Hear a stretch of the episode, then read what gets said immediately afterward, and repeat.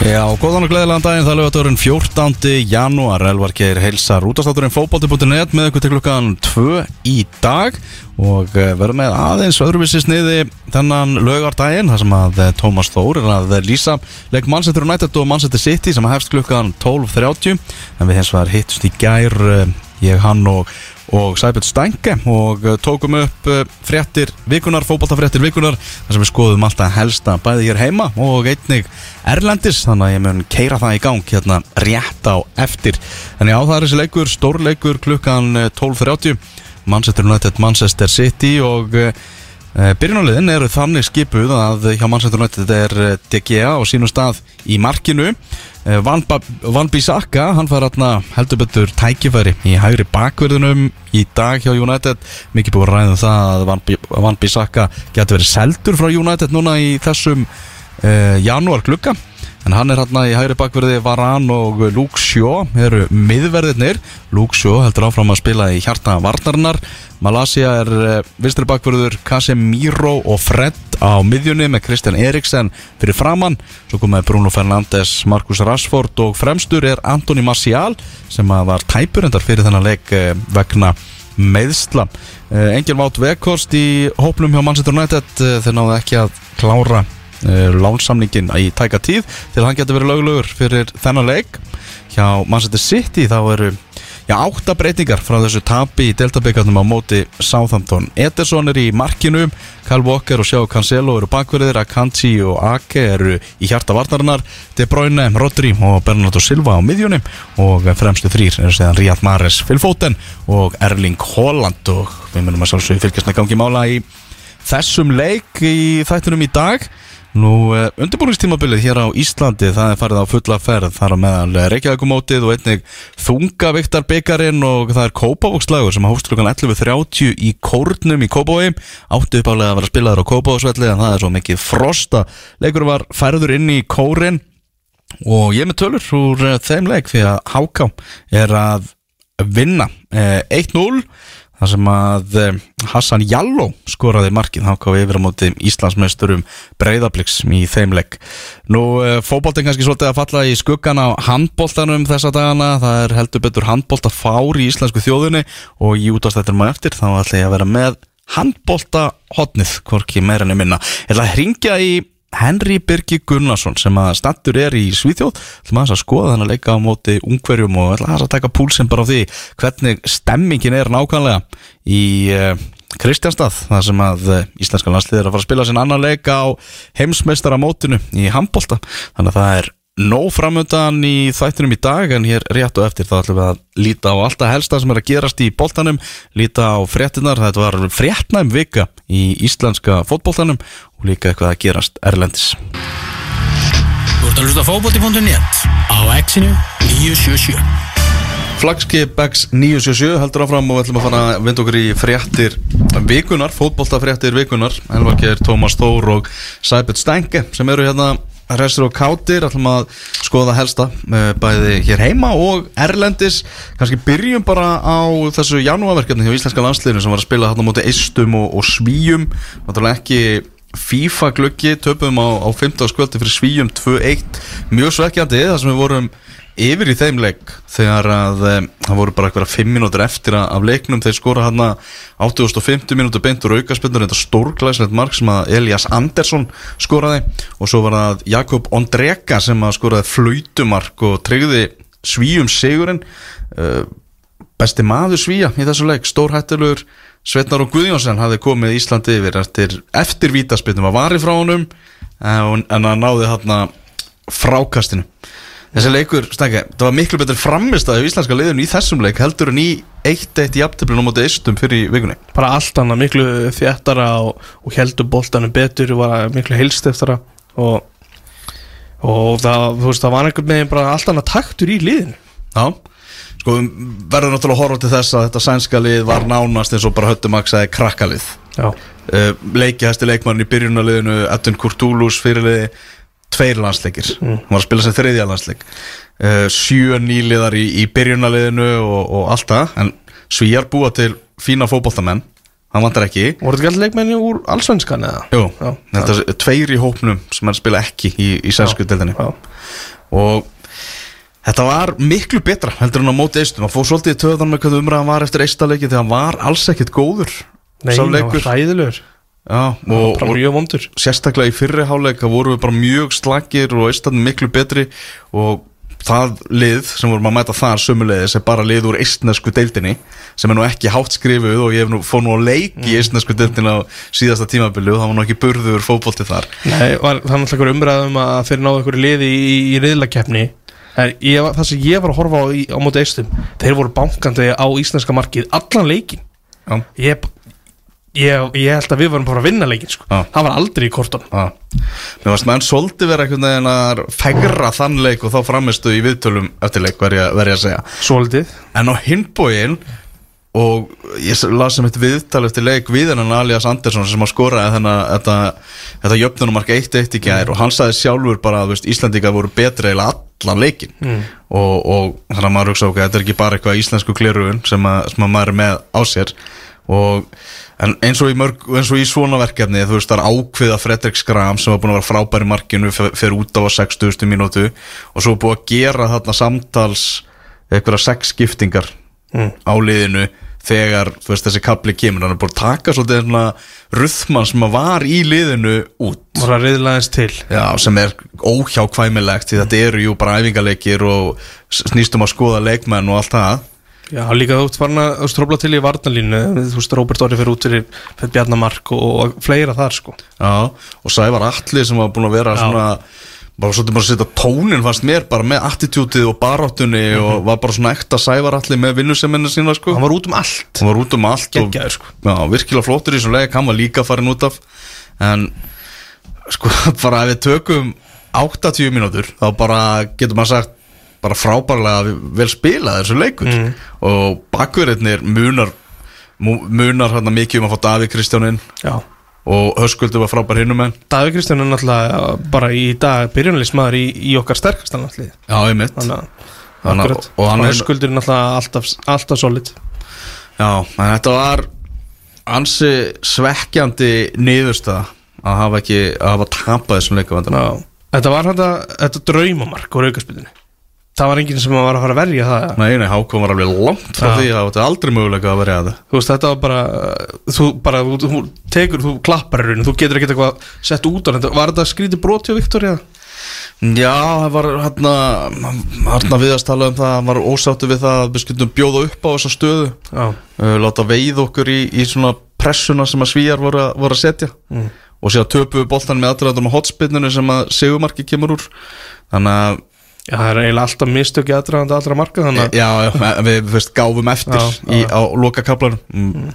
það, það er bara þannig en við horfum á þetta þú veist, heilt yfir fengum nóga vítaspytum, fengum þrjáru vítaspytur 33% nýting Já, skoruðum bara úr einu af, af þessum þremur vítum sem, sem við fengum. Við, sko, já, KSI var eitthvað á samfélagsmiðlum að grínast með að þetta höfðu skorað úr opnum leik þegar þarna. Jú, jú. en já, við veist, ef við horfum blákalt á það þá er það alveg, þú veist, áhyggju efni hvað erum lítið að skora, lítið að skora úr opnum leik, hvað erum ekki að nýta tækifærin okkar og, og bara fara illa ráðum okkar á, á síðasta þriðjöngi Algjörlega, þetta er mikið áhugjefni uh, Já, það sem að kannski líka tekur út úr þessu verkefni er uh, þrjú viti öll frá Guðjónsson Mm. og við erum með Aron Sigurðarsson í, í liðinu. Sem að tekur öll viti fyrir Horsens í dörfsvöldinni Já, búin að vera geggjar á þessu tíma eða þú veist, kannski er það bara eitthvað sem er lagt upp með að frammeirinu takki viti en það var væntanlega ekki lagt upp með að Andri Lukas myndi taka boltan af Sveini Aroni í öðru vitinu á móti Eistónum sko. nei það er, já, ég, bara þetta er svona ég velta fyrir mér akkur núna sko. og markurinn var í því viti sem Já. við skoraðum úr sko. það er ekki gott, ekki gott. Nei, en svona er ég hægt að taka ykkur að plúsa þarna Dagur Dan, flottur í, í báðum leikunum Það er eina sem að þessi janúverkefni snúast í raun og veru um því að sko heldar framist að leysa svo hvernig það spilar eins skrítuður að segja það skiptir uh, afskaplega litlu máli sko. Það er gaman kannski fyrir þjálfarna að sjá að að jú, jú, svo sem öll heldin nái að spila eftir því sem á að gera því að endanum snýst þetta náttúrulega bara um eitt hlut uh, þessi janúverkefni og það er að aðtúa hvort að einhverja af þessum mönnum séu tilbúnir í stóra verkefni sem hefst í mars sko. Já. þetta er svona nánast eins og æfingabúið fyrir einstaklinga miklu, en, miklu frekar heldur en lið mm -hmm. þess vegna þegar við höfum vanlega farið inn í þessi janúverkefni erum við að horfa á veist, hver er búin að standa sig vel og þá eru oftast að tala um einstaklinga þetta er náttúrulega frábært eins og við segja að lið fungir í systeminu því að segjum að Dagur Dans er svo maður sem hafi skynni hvað skerast og hann fóði tækifæri jafnvel í að koma inn á veist, ef að hans skilur stjarnar heldur verður bara bjartar og bjartari að þá náttúrulega verður hann að kunna og vita hvað er, hvað er í gangi? En, en þú veist að tala um að funkar í systeminu þess að þú veist, ég væri bara til að heyra svar frá Arnari hver pælingi var með það eins og í fyrirleiknum á móti eistu maður að spila 4-4-2 með tígulmiðju við erum að fara að skilu út úr okkar systemi og vallir hann að æfa system sem hann er að hugsa fyrir undakjarni EM því að meiri hlutin af þessum leikmönnum verður ekkert með í þeirri undakjarni En ef hann sé hérna, þú veist að það verði líka drillað þegar hitliði kemur, kemur saman sko, hann sé að hann bara hefði þetta þarna hann vilja eiga tvo, tvö system kannski hérna er um, Bosnia og Liechtenstein lið sem hann vil freka fara inn í með tígul heldur en fjóra einn fjóra einn, eh, eins og ég segi, var alveg gaman að heyra bara næst að heyrist í honum, skilur hver var, hver var pælingin, er þetta kerfi sem hann ætlar að fara með áfram eða var þetta bara tilfallandi út af, út af leikmönum það er kannski svolítið spes að spila kerfi eins og þú segir sko, fyrir leikmenn sem að munu síðan ekkit ekkert vera með en ég kannski líka allt í lagi að leifa mönnum að njóta, þú veist, þú sín, veist að tala um líka, þú veist, að vill fantilega sjá hvernig þessi leikmenn funkar í núverandi kerfi sem að Mhm. landsliði alltaf að nota. Nákvæmlega. Algjörlega sko. En hérna, ég sá nú afskaplega lítið af þessu er ég að vikina eins og meiri hluti vissulega.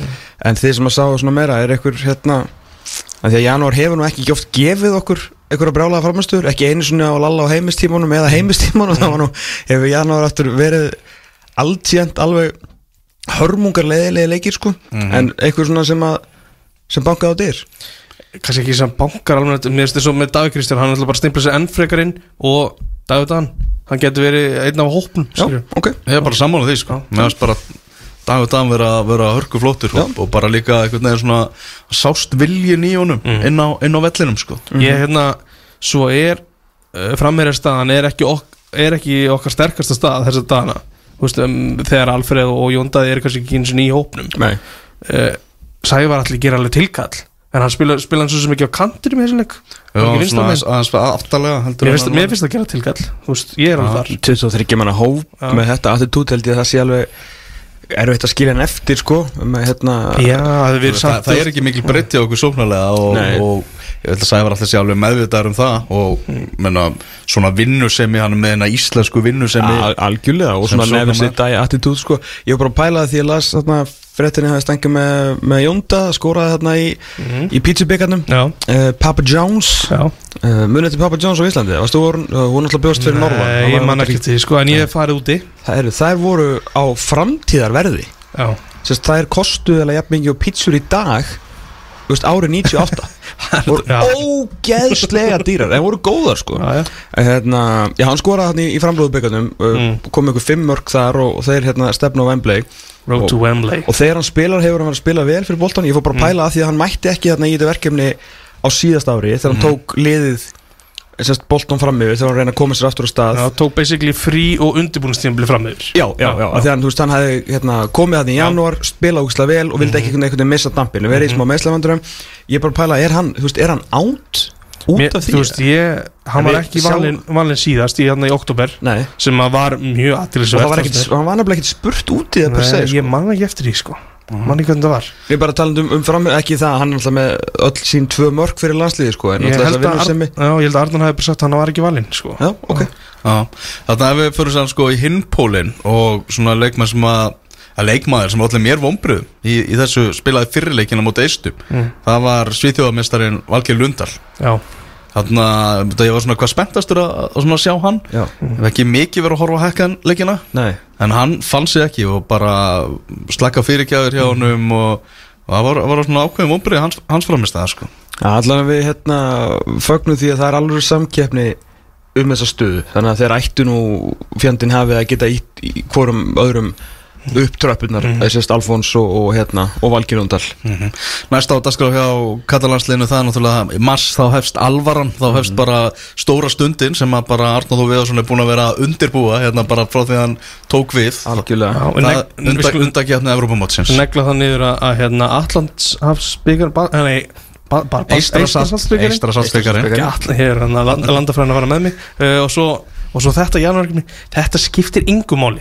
Undakefnin er það eina sem skiptir máli. Já, þess, þetta er bara liður í undirbúningi Já. fyrir þessa undakjarni sem að hefst þetta með tveimur útilegjum í massa móti Bosni og, og Líktenstein Akkurat Það er svoleiðis, heyrðu það er hérna undirbúningstímabilið, pre-season fútból er komið á fulla ferð á, Heldur á, á betur, Íslandi og mjög áhugaverð úrslit hjá valsmönum núna á, á 5. sköldi þar sem þeir töpuðu fyrir fjölni 0-1 ég var með þetta að textalýsa þessum landsleik á sama tíma en sem sá ég bara fjölnir að vinna val þá hugsaði ég að hérna eru valsmenn að spila bara á okkur, á okkur varalið einhverjum varaskip. Svo skoða maður skýsluna úr þessum leik og þetta er bara já nánast holy moly.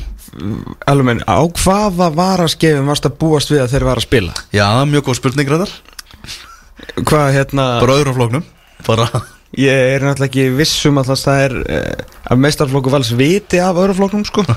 Ég Það hugsa, er fýtt punktur, já. ég hugsaði bara þú veist að Leon og félagar höfðu bara fengið þennan leik eða eitthvað bara uh, Arna Gretas og, og en þú veist miða við skilu við erum tala um þjálfaraskipti og, og allt hannig mm. maður myndir nú halda það að fyrsti mótsleikur undir stjórn nýst þjálfara og með þetta fyrna sterka byrjunalið sem að var hann inn á að það myndir nú koma ykkur feskir vindar svona alltaf í fyrsta leik menna, Þa- Þannig að vinnum minnur á hlýðar enda missi ekki viti að það náttúrulega voru 90% af bekknum fætti 2004 þannig að voru greinlega annar flokkurinn var sagt, til tax mm -hmm. Samkvæmt knaspunni sambandi Íslands á hérna uh, heimasíðu þeirra sem er sérst kse.is að uh, í Góð þessu síða.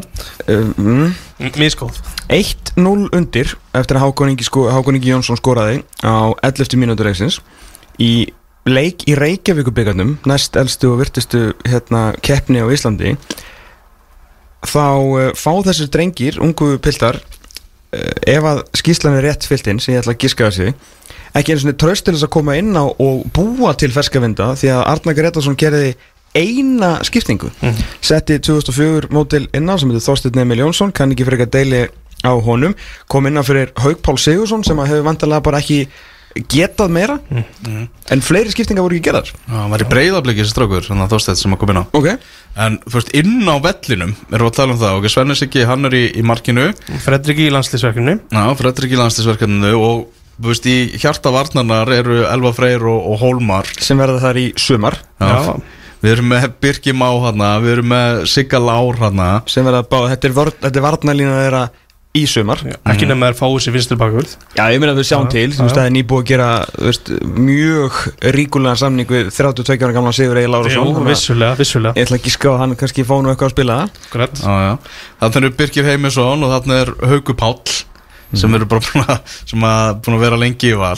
Þannig er Kristi Freyr Sigursson nýkomin aftur á, hlýðarenda sem er mynd verið verið í sumar. Já, og fremstu menn eru Tryggvi Hrafn Haraldsson, Guðmundur Andri Tryggvason og bandaríski landsleismadurinn Aron Jóhansson sem að allir verða þarna líklega í sumar. Já, þetta, þetta er alveg þetta er biluð úrslit bara að, að skoða skýsluna sko. Þeir tapa sko fyrir fjölni á heimavelli, ég veit þetta er Reykjavík byggar en kannski ekki alveg, vantilega ekki verið pakkfull stúkan sko, en á þeirra velli og svo er sko Úlfur Arnar bara að, að líta á þetta eins og alveg Reykjavík byggarsleik því að hann gerir einhverja 5-6 skiptingar sko. Já, á sínu Valur, liði. á meðan Valur heldur bara hóli móli inn og tapar samt.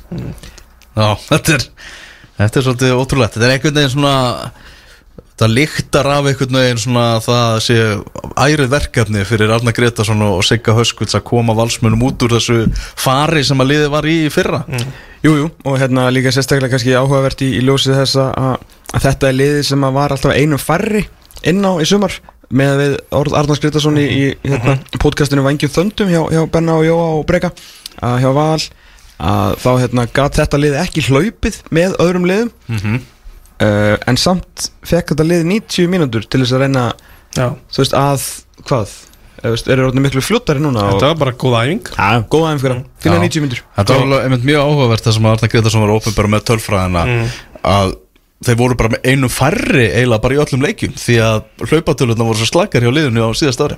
Þetta er sko, maður er búin að vera s- segja ég hitt og þetta um þetta síðasta sumar hjá, hjá Val. Og svo nota maður eitthvað eitt orð og það því er náttúrulega slegið upp í, í stríðsfyrirsæknin sko. Og síðast sem ég notaði hérna þegar ég var í Íþjóttuvikunni á Bennabó bara svona mjög almennt svona flengdi ég út orðinu katastrófa. Og það náttúrulega bara pff, the bright lights veist, of df.is bara katastrófa. Sem er Tómas Þór. Og maður svona, óh, tíu fem maður er alltaf yfirstrikið í þessu. Og, og nú er Þeir eru duglegir að finna fyrirsagnar úr íþróttavikunum Já, mjög, mjög góður sko Uh, Og maður veit bara, ó, nú er hérna sendið Börgur Bennar skýra búið Hvað er hann Tómas vinnið með okkur á heilanum og okkar, da, da, da.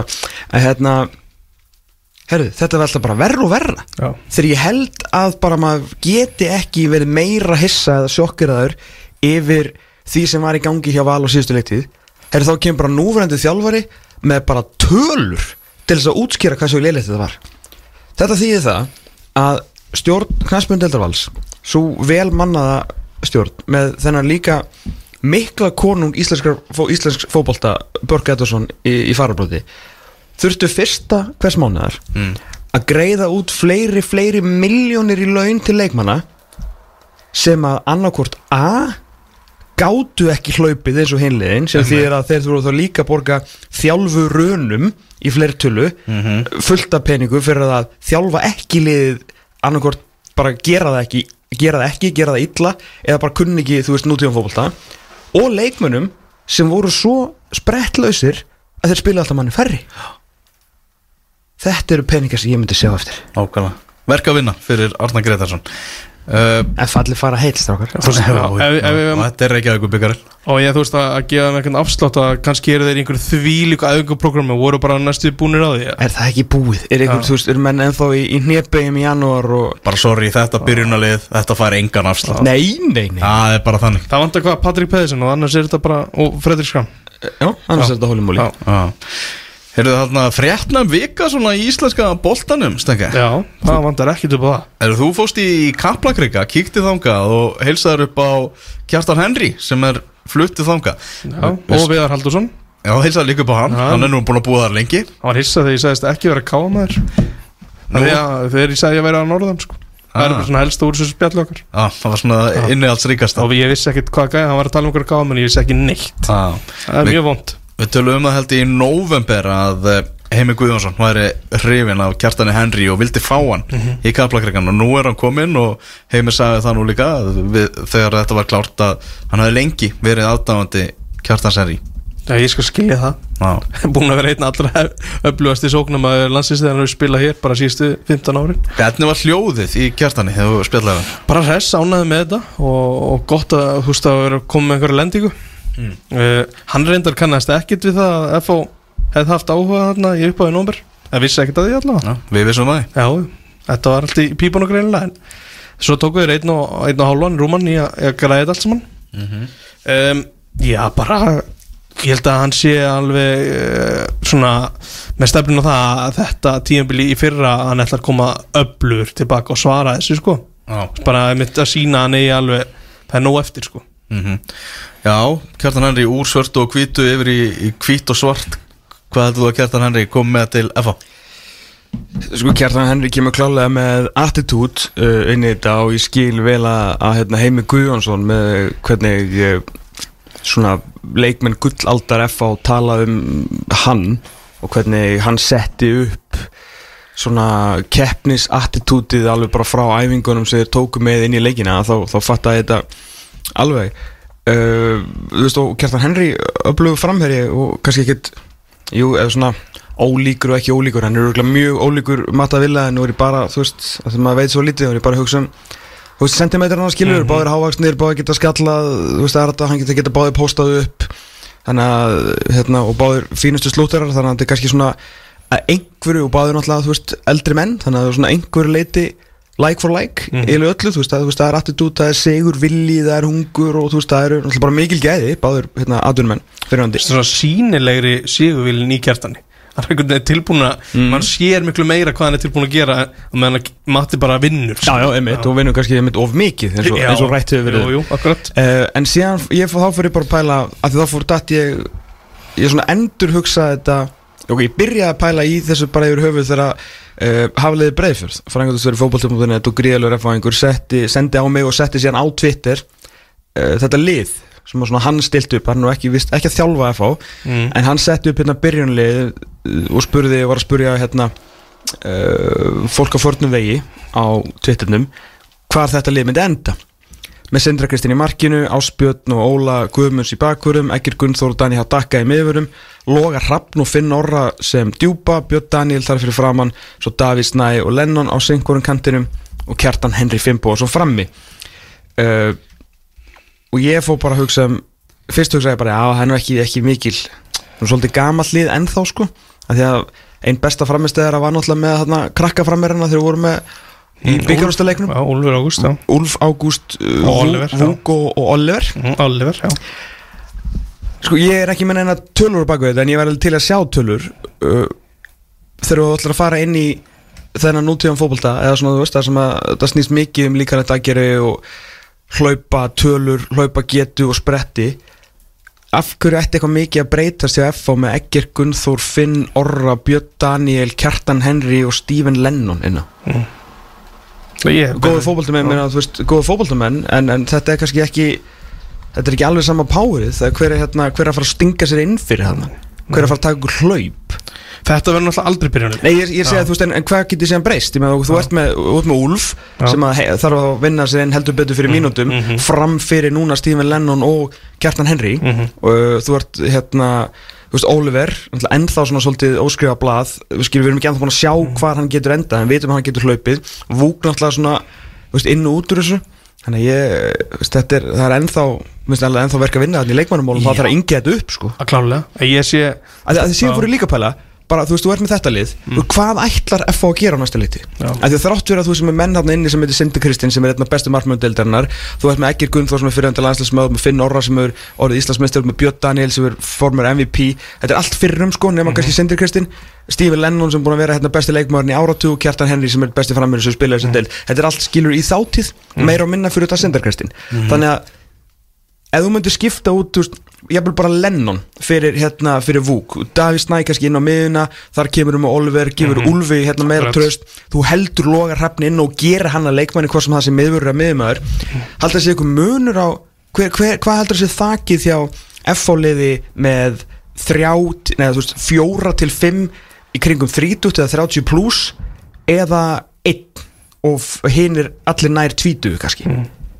hver er munur? Ég meina haldið að, yngra lið FH myndi ná eitthvað miklu verri áranguri heldur þetta lið, Nei, betri betri Já og þó þau var sko tveimur settur neðar svo framalega við sem ekki tala um 11. Já. seti að þú þarft ekki, ég myndi halda FH var að hugsa um tímabil þar sem þú spilar með framtíð Já Það var þessi virði þú veist, sjöunda sæti með alla þessa kallin á Mm. eða sjöunda sæti með hérna byrjunarlið með kannski fimm árum yngri mm.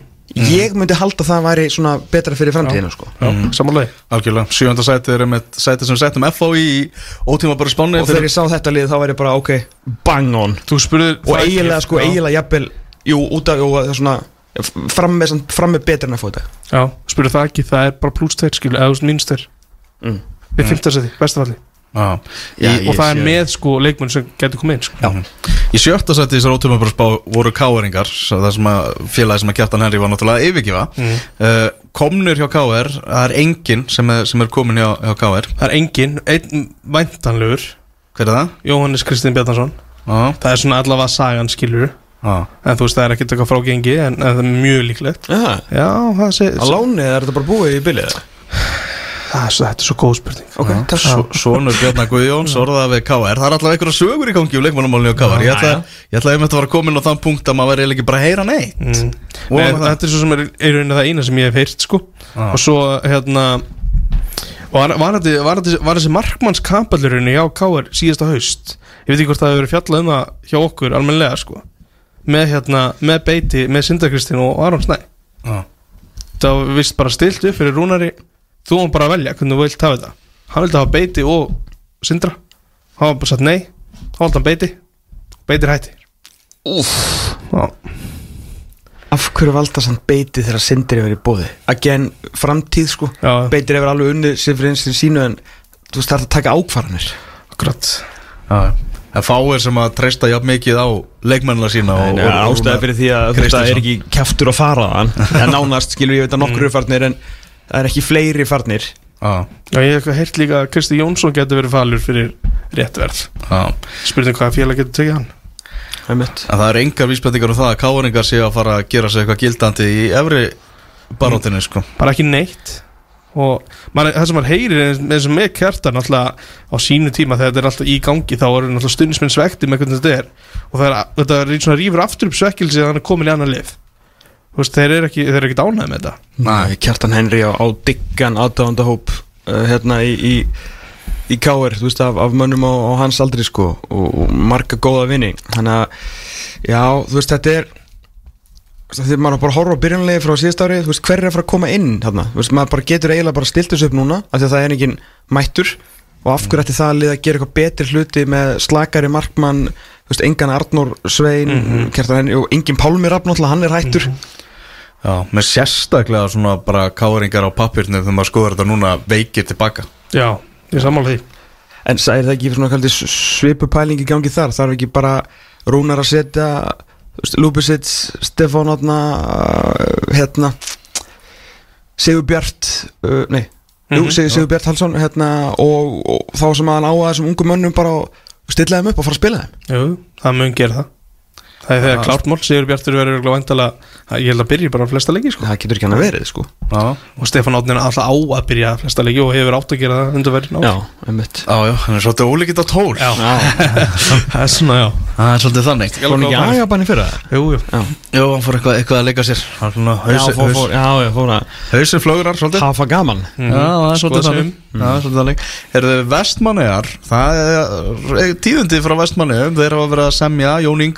Að Ingarsson áfram En svo staðfest Þetta sem hefur verið vita reyndar alveg lengi Að Andi Rúnar væri á, á förum. Hann er núna bara staðfest farin Já, það lítur að vera högg fyrir eigamenn þú veist, og það er nokkuð auglust að segja þetta.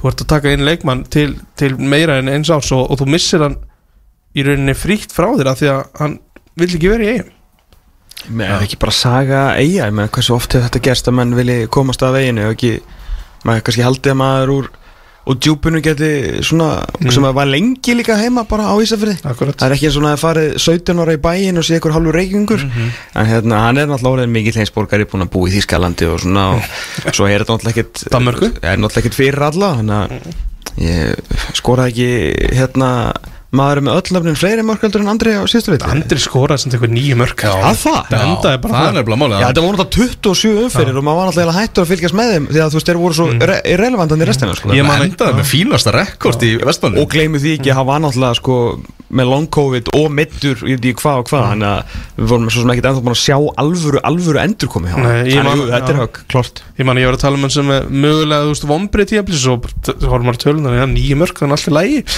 Þú veist, Það með meðsliðin og COVID sko akkurat Eru Mark Ján og Asis komin til HK Það kom uh, skemmtileg tilkynning hann á 50. kvöldi sem að ég held að við farið framhjá mörgum þar sem þetta fór bara þetta var tilkynntu svipa leiti og var að klárast hérna í handbóltalansleikurinn hjá Íslandi á, á 50. kvöldi Markin og Asis sem að fór á kostu með afturöldingu í lengjudeldina á Já. kom, komin í kórin og þetta er spennandi Getur þetta ekki orðið svona alvöru jóker fyrir það bara, get, Hann getur brotið bara upp leikina. Jú. Svona maður vildi að sjá þennan leikmann í efstu deild og hann er mættur og líka frábært fyrir hákáinga sem að við vorum með í skiljanlega í fallseti í ótímabaru spánu hjá okkur. Þurftu á, á liðstyrka að halda og þarna fáður hennan belgiska miðjumann. Er eh, 21 ás gamall þannig að ef hann er að sína eitthvað svona byggja ofan á það sem hann síndi í- með afturrættingu lengjudeildinu á, á síðast tímabili þá er þetta mikill liðstyrku fyrir háká Ég meina hann var þetta er ein magnaðasta framistæðar sem maður sér í lengjudild. Mhm. mm. þetta var bara hérna, Hilmar Átni Aron Elís dæmi sko, mm hann bara tók yfir þessa dild frábært að fá hann leikið deildinu og hún var svolítið flöt lengjudeildinu í fyrra. Einmitt, og hann heldur úr náttúrulega sérst, gengi Hvað hann er með tíu mörk í tíu leikjum eða eitthvað? svo leið sko fyrir utan það var hann ekki með stóðsendingu hérna í gegnum kloppan og einhverjum og þess, þetta var bara, hann var bara að leika sér og kemur bara eiginlega smá óvart hann sé að fá ekki starra múfeldur en svona neðri hlutin í, í bestu deildinni með að hvað menn eru einhvern veginn út um allan heim tilbúin að taka ykkur áhættur. Og hann er á ennþá sko á hérna 21 árs 21 árs sko, veist, þetta væri ykkur 28 ára belgi myndi ég skilja þetta 100% en, en þetta er ógeðslega flott sæn hjá, hjá Háka og kemur bara smá óvart hann hafi ekki farið aðeins ofar í treð uh, leðild náttúrulega fyrir Lópezinn hann, hann var náttúrulega, ég spurði hann þannig að seint á síðasta haust hvort að Marciano Asís geti gert þetta á sumarkvöldi í Víkinni hvort að það væri eitthvað nafn sem maður ætti að lauma mönnum þar. Þá sagði hann alltaf sjálfsögur nei uh, þar sem að hérna, hann vildi halda honum. En þetta er svona gæi með hvað hann var að gera og með hvað hann er góður í fótbolta að uh, þá hérna með hvað hann er góður í fótbolta að þá er þetta svona maður að ég myndi halda að geti unnið bara leiki veist, sérstaklega í svona, ég tala ekki með neðri hlutunum þú veist, síðustu fimm umferðina það spila við lið sem eru kannski, við erum að rekna með að háka verði þar, að getur bara svona komið með eitthvað töfrabröð og bara unnið fótballtaleiki þannig að ég, ég er ógeðslega spennt að vera að segja hann og mér finnst þetta drullu flott sæn hjá háka Þannig að þegar þetta er spilað þá er Háká að fara að keppa er Háká að keppa móti breyðabliki í þungavíktar byggarnum leikunum færður inn í kórin skilnlega í þessum lýstingskulda. En ef við förum aðeins í breyðablik þú vildir að smá umræðum það stengi Já, bara hvernig verður framlína og, og miðja breyðabliks Já með eitt mól um HK uh, bara á Já. þessu tíumbúti Marciano Asís var besti leikmæliðsins á babirunum bara út frá því sem við séð. Já, ég, ég veit ekki hver sko vonur og væntingar ég tala við mikil Hákáðing og bara vonur og væntingar þeirra eru bara til þess að, hann verður þeirra besti maður. Hver er annars besti maður háka Ég hugsaði bara Birgi Valur eða eitthvað sko, ég var bara, eða eitthvað, ég bara er af því að hann er uh, hann var yngrilegans maður sko. Já, Allir Arnars Allir Arnarsson. Já, Já. Flott miða með þá já það er blýr sko. Já. Já, það er bara, það var mín pæling bara hvort að hann væri, þú veist, maður væri þarna hann væri bara besti Nú leikmaður þurfa háganga þurfa bara að fara á hnén og, og hérna grátbeða um að fá Stefán Inga upp í fjöll. Mm. þá er, þá er þetta nú alveg svona að fara að vera eitthvað hjá hann sko. En samkjöfnin á, á miðjunu og í sókninni hjá Blikum Já, Rosaleg. Er þokkaleg. Ég fór alltaf þessu aðeins fyrir mig þegar ég var að spjalla við Já, Hvernig, færi engin klæmynd já, hvernig Óskar Rafni ætlar að stilla leikmannum 6 fyrir framann varnarlínu upp sko.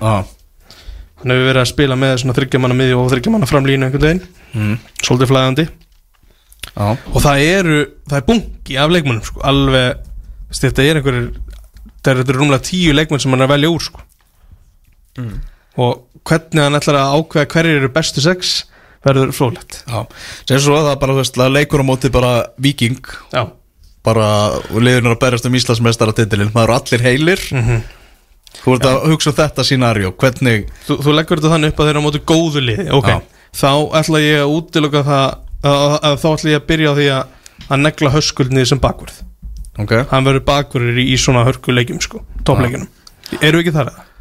skelli fyrir uh, Alex? Ég segi það, skilur, en svona komandi ég meina Alex er bara spurningamerki á þessum staðinu að núna. vi- viti meira ok, skilurðu. ok, þetta er bara lið bara, þetta er marmónakúlulið Já. það er bara alla marmónakúlunir í bóði undanústaleikur í byggar gegn viking og drekka þeim bara 3-0 aftur á heimavelli. Já, hérna kemur liðið. Já, þá ertu með Óskar Rapp Þorvaldsson Stengi já, Sko, þú ert með Þú ert alltaf að fara að vera með Viktor Karl og Gísla í liðinu. Mm. Bara þegar það eru bara þeirra menn Blikar Ég ástu ekki eitthvað bara blika Þeir eru bara búin að vera góðir í langur tíma Svo fer þetta svona vandast máli Hvernig þú pútlar þessu saman Djúpur á miðju Hvern, Hvernig erum við þar? Oliver Erum við þar? en er, ég er hver, þar. hver er að koma til greina? Þú veist, við erum með, veist, Anton veist, Benedict Warren svo voru þeir að fá hérna veist, ég- kannski færa þeir Viktor Karl Jafel aftar Patrik sem só, sókn sinnaði miðumæður þetta er eitthvað svona, svona pælingar? Já. Ég spjallaði hans við tókin á samkvæmisleika þess að var að spjalla við Jökulinn, Hilmar Jökulinn með það sko. Mm -hmm. Gísli, Oliver og Viktor Karl á miðunni Það er eiginlega það sem ég segi sko. Já, bara sama miði og hefur verið. Já, já, David Dan, djúpur. Það getur náttúrulega gert allt allt sem hann vill, David Dan. Já. Ég ætla, ég ætla að hafa þá þrjá á miðinni David Dan, Gísli Eyjóls og Viktor. Ok. Ok, svo erum við fyrir framan þá erum við með Patrik uh, Klæmint og, og hérna Jassonda og hver er í fílu? þá erum við með í fílu Ágúst Lisson já, uh, Oliver. Oliver er í fílu með, með Hann get, getur ekki verið sáttu með þetta. Já, uh, Eithor, Eithor Aron Völler Sölvi Snær já, kannski vildi höskuldur vera á, höggi vera á miðjunni í þessu legg, Mm. kannski er hann í fílu Já, akkurat, kannski er hann í fílu um, Það er samt ekki eins og sért að lesa upp menn sem að bara þurft að byggja nýja hillu heima hjá sér til þess að gema Nei, alla veluna nei, kannski ekki, sko, kannski Ég ekki, held ja. að þetta sé bara ágætt Já, þú veist, svo ertu svo eiginlega bara með hungra menn alltaf bekknum Já. sem að enga rétt á að vera í fílu heldur bara að reyna að gera betur sko. Þess að kannski fer, frekar út í það hvað eru, þeir eru vantilega að fara að lána fyllt þessum gæðum sko. Stefán Ingi, Bennett Warren þeir eru að vera aftur lánaðir Er það? Er það ekki? Það er út með Ég þetta er náttúrulega rosalega Climate. stór hópur sko Eithor Völler Pétur Ég- Theodor mögulega ef hann er heill Úst, Óskar Hafn Þorfaldsson er ekki að draga, ef við trúum þessum fréttum að draga sjálfa sig út úr kapplöpunu í einhver viðræðan við frekar stórt sænslið til þess að taka allavega verðist vera alveg klárt að hann ætla að taka hér eitt tímbil yfirbútt Já, já, klárt sem að þýðir það að hann ætlar að vinna tvöfald Mm. vill vera eins og, eins og Arnar uh, og hann ætlar sér í reyla keppni Europadildin, mm. í hérna konferens að minnstakosti, þegar nú er það með sensin þessi leið mestara leiðana og ég held að hann sé alveg tilbúin til þess að reyna að halda þessum 52 eða hvað sem hann er með í hóp núna þú veist, einhvern veginn góðum til þess að vera með möguleika á að hérna, dreifa leiðinu sem mest sko. Já, hvort að þeir og þeir verðast líka að vera með budgetið það veit að þessar 100 miljónur er ekki allra fyrir laun og örgulega ekki neitt í laun en það er að búa til yfirsliti kringum þetta. Þeir eru að fá náttúrulega mikið Európa-penning og hérna, áhuga liðinu örgulega mikið, mikið sóttu völlur en hann að ég held að vera ekki ekki mikið lána ég held að alltaf vera með eitt bara stærsta hóp sem að, sem að sérst hefur til þess að ná árangri sko. svo, svo, og nú þetta, þetta með Andrei Rafn Jó, og Jóman hann, Já, hann segir ekki neitt, hann Nei, bara nei, kemur inn og er bara kvarta. geggjaður alltaf sko. já, en þetta er allt menn sem þess að tilkall til að vera hóp í efstild Já, klárt mál. Þannig. Hvernig það pútlar þessu saman sko. Já, þú veist, eins og við setjum þetta sko að Hilmar Jökull, þá voru Gísli Ólífur og Viktor Kalla á miðjunni. Já, David Dan á vinstri, Clement Olsen upp á topp og Jason á hægri. Þannig að það er Patrik. Jóhannesson ekki ekki inni sko. Mm. mm, Þannig að þetta er bara ríkalega upplugur mannskapur það er ekki að segja hana akkurat en Ég er svo sem alveg sammála tóm að það eru margir sem að veist, til þessa ættu alveg að geta sætt sig við að vera stundum á bekknum og oftast jafnvel. Já, en, en þetta eru margir leikmenn sem að hafa spilað í efstild og, og gera allavega tilkall. Ekki spurning. Herðu, kórdrengir, uh, þegar þetta tekið upp núna á förstu degi, það er ekki komin eitt staðfest uh, með, með þá, en allt útlitt fyrir það að þeir séu ekki að fara að taka þátt í, í lengjudeldinni, það eru er ekki með völl, eru ekki með þjálfara, eru með afar fáa leikmenn og, og, og, og allt það, þannig að þetta er, já bara nýtt, maður hefur ekki séð þetta sem að byrja að fylgjast með íslensku fótbolta, að það sé bara eitthvað lið í fyrstu deild sem er bara að fara að draga þáttöku sinna tilbaka.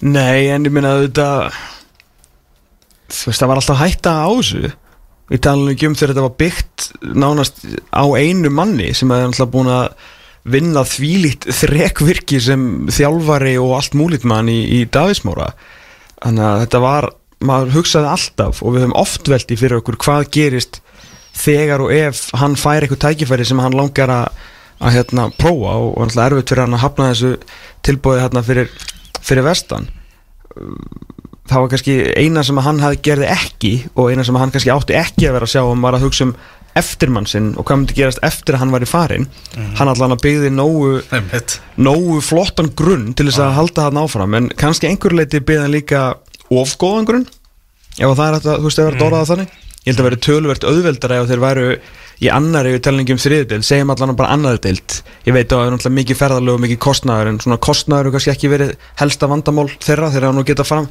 sérst, uh, borgað það sem þeir þurfa hvort sem að það sé fyrir vallalegu eða leikmenn. En hérna en að vera farin í lengjudildina með enga þjálfara þú veist, leikmannahóp einhvern veginn í upplaust og þegar þjálfarin var líka þú veist, fyrirlegi strófiskitta sendir, formaður og gælkýra frangatastjóri sko, Vá. að það var heldur mikið farið. Og var í markinu líka á stundum. Og var í markinu. Þannig að þetta er þetta var, var alltaf hætta á að þetta geti, geti gerst og kannski leiðilegt með hvað þetta var orðið svona áhugavert og, og náttúrulega bara gott lið. Bara lið sem var bara var bara eitt af betri liðanum í lengjadöldinni að þetta hérna, hverfi svona og, en að samaskapi kannski einhver leiti víti til varnaðar fyrir aðra sem ætla að reyna þetta. Þetta er, er erfitt að halda þessu úti án félags á bakvið þig. Já, það er þannig. Uh, Þetta setur náttúrulega af stað uh, svona, já, domino áhrif það sem að, já, allar líkur á því að ég er úr Þorlóksöp fari upp myndi ég að halda, það sem að já, annars þetta KF að skila inn leifiskerfi sem ég sé þá ekki alveg gera úr þessu. Kortrengir Já, er ekki segi, Já. til að KF fara upp segi Mm. uh, Gætu við verið með eitthvað bandir að bara gera það Bara Við viljum miklu frekar veist. Það geta það, það vilja það, það Byrju, er, ef þeir hætta þá og Þá er það ægir Þorlóksöp, þeir eru sendið niður þá er það KF hver er pælingi þar? Sko, ég, pælingin er vist svo að ef þeir, þú veist, ef þú dreiguðu úr keppni, þá er eiginlega búist við því að þú gera það fyrra og sérst eiginlega búin að gera það núna á þessum tímapunkti sem við erum á núna. Ok, En ef þú hins vegar fellur á leifiskerfinu, að þá sé það félag sem er nýbúið að ganga undir leifiskerfið sem að komi í staðin. Vegna þess að annars þyrfti félag að búa til leifiskerfi og allt frá grunni á nokkrum dögum, skilur við. já, ok. Það er vist pælingin. Já, já, en, en, en alveg skrítið. Já, já, já a- Mjög skrítið að hafa áreikstur í þessu. Nei, Ég meina, þú veist, svo alltaf alls konar hluti sem geta gerst baka tjöldi þegar tvö lið einhvern veginn er að berjast um þetta? Ég meina, má ekki bara, með ekki kórdrengi velja, eiginlega? Jú, þeir eru eiginlega þeirri stöð Mm. Þeir getur skilað, skilað en einhverjum pappir hérna í leifiskerfið og það var að KF sem á það Það er eiginlega þannig. Já. KFG úr Garðabæ færist upp í, í aðra deild og Ímur og Kóboi það fer hérna upp í þriðu deildina. Ok. Förum ekkert mikið neðar en það í, í þessari yfirferð hjá okkur. Uh, heyrðu, Það er uh, segjum þetta þá svona Veitu, Það var hann að samt markmannsmálinu í IBVF Já, þetta er komin inn á þau? Uh, Gísmitt náttúrulega áfram orðaði við félagið. Já, og, og IBF í viðræðan við Val um Gísmitt Akkurat þeir framleikja við Jón Kristinn. Þá var vantilega hann og Guðjón Orri báðir samningsbyrni félaginu. Já, Haldur Páll vantilega búin að skrifa sig út úr þessu, kannski spurningum að ég heyri í honum við tækifæri. Mhm. þegar Já. staðan er á kappa. En það má gera ráð fyrir því. En þeir eru alltaf með tvo markmenni veist, en munur ekki alltaf taka inn markmann, jú, það er alveg klart mér finnst það. Ég held að Ég held að sé klart mál að þeir munu fá fá einn markmann. Mm. Gísmitt er en- ekki í hópi á vali gær sko. En það er rosalegt einhvern veginn svona, hvað gengur erfilega hjá IPVF einhvern veginn að negla aðal markmann hjá sér. Já, Alltaf einhverja hræningar í. Já, það er bara það hefur verið til lengri tíma. Já, Gauji Albert var hann eða eitthvað. Albert Sæfas Já, það er ekki Ég er svona til lengri tíma. Uh, ég man ekki hvernig það var svona á milli hans og svo Halldórs ég man ekki hvernig það var. Já, Gauji Karra búin Það var náttúrulega Abel Diara Já, alveg, Kóngurinn, sjálfsögðu. heitinn. Já, hann var satt pínu inn og út sko. Já, hann var bara svo skemmtileg er ég veit að segja með Gauja Karra, hann er búin að skila frábæru hlutverki fyrir IPVF og, og, og gera vel En ég held þeir vilji svona öfluri markmann. Byrju, Er þetta gísmitt mikið klárt? Eða þú veist, alltaf því eða? Já, það er alltaf að viðraður í gangi. Já, Já Ég held, held að vera klart Já, já, það er eina, eina vitið hefum Já, herruðu, risa, risa, risa fréttir sem að uh, bárust, Tómas, á, uh, í gær, úr kvennabóltan. uh, Já, já, einmitt í gær. Uh, Hérna Þetta var bara að gera sem meina við hérna og, vorum að, og erum að Takk þetta upp. taka þetta upp. Já, að uh, þetta er bara svo óvænt og stort að maður veit ekki alveg hvað maður á að segja herru, nú veit ég ekkert. ekki, Þetta, þetta var bara að gerast, eins og segir, með að við vorum að taka þetta upp. Sara Björk hætti í íslenska landsliðinu. Ég sé bara þess að fyrir svo dölfunni að þær. Sara Björk Gunnarsdóttir fyrirli íslenska kvennalandsliðsins er hætt með íslenska landsliðinu hún uh, tilkynnti þetta uh, fyrir sína 74.200 uh, eldendur á Instagram uh, þar sem hún segir á ennsku eftir 16 ára að spila fyrir uh, landsliðið mitt hef ég ákveðið að hætta Uh, þetta hefur verið algjör ánægja og ég er að þýða í bytni sko.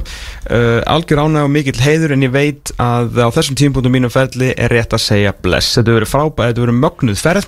Ég hef alltaf verið mjög stolt af því að klæðast bláu treyðinni frá degi 1 og vera hluti af fyrsta kvennlandsliðinu sem komst á EM 2009 og taka þátt í öllum þessum Europamótum ég hef verið mjög stolt af því. Ég vil taka KSC, öllum þjálfurum uh, þjálfara, þessast, meðlum þjálfara teimis,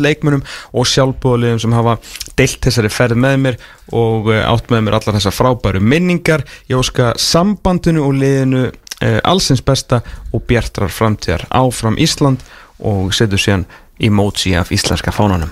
Já, þrjú blá hjörtu og... Já, þrjú uh, stórmót uh, hjá Söru fættur 1990 var uh, þá 18 eða 19 ára gömul þegar hún er eh, í byrjunleginu fyrsta leik á, á Stormóti kemur hún inn í landslið 16 ára algjört undrabann úr haugum sem hann fer sér inn í breyðablík á landsleika metið 145 landsleikir hvorki meira en ég minna uh, og hefur náttúrulega two-time Champions League vinnur skoraði í ústilduleik uh, mestaradeldarinnar og ég veit ekki hvað og hvað spila fyrir bestarliði í Svíþjóð, bestarliði í Þískalandi og Jóndis bestur á Ítalíða Jú, og besta liðin alltaf Fraklandi á sinni tíma. Og bestarliði í Fraklandi líka, einmitt, blessaður.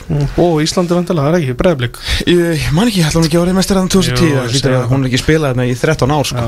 Hún veit að þetta er rétti tímapunkturinn til að, til að kveðja. Já, 33 ára gömul á næsta ári orðin móðir, auðvitað. Uh, náttúrulega klálega með, með fleiri hérna kilometra í- klára í, í löpunum en allar grannlega einbjöta sér að framlengja landsliðsferilinn eða þess ekki félagsliða ferilinn því að uh, þar náttúrulega eru hlutin er alltaf, alltaf að stækka. Hún vil, ef hún spilar kannski til 36, 7, 8 ára ef hún getur það þá verður fænaboltinn orðin ennþá stærri og hún á náttúrulega nýtist öllum liðum mjög vel með, með svona sínum sínum hæfileikum. En þetta er náttúrulega svakalegt og væntalega einn stærsta ástæðan fyrir hún er hætt er að stelpunar komist ekki á háan. Ég veit að það er það leiðilegasta við þetta. Ef Hún hefur, þú veist, maður það einhvern veginn á milli línuna Hún var búin að ákveða það og þannig að draumur var greinilega að kveðja íslenska landsliðið á HM Já, hún, ætlaði að fá að faðma Eddu Sif grátandi. Um alveg svo eður þegar hann hætti síðan ekki reyndar.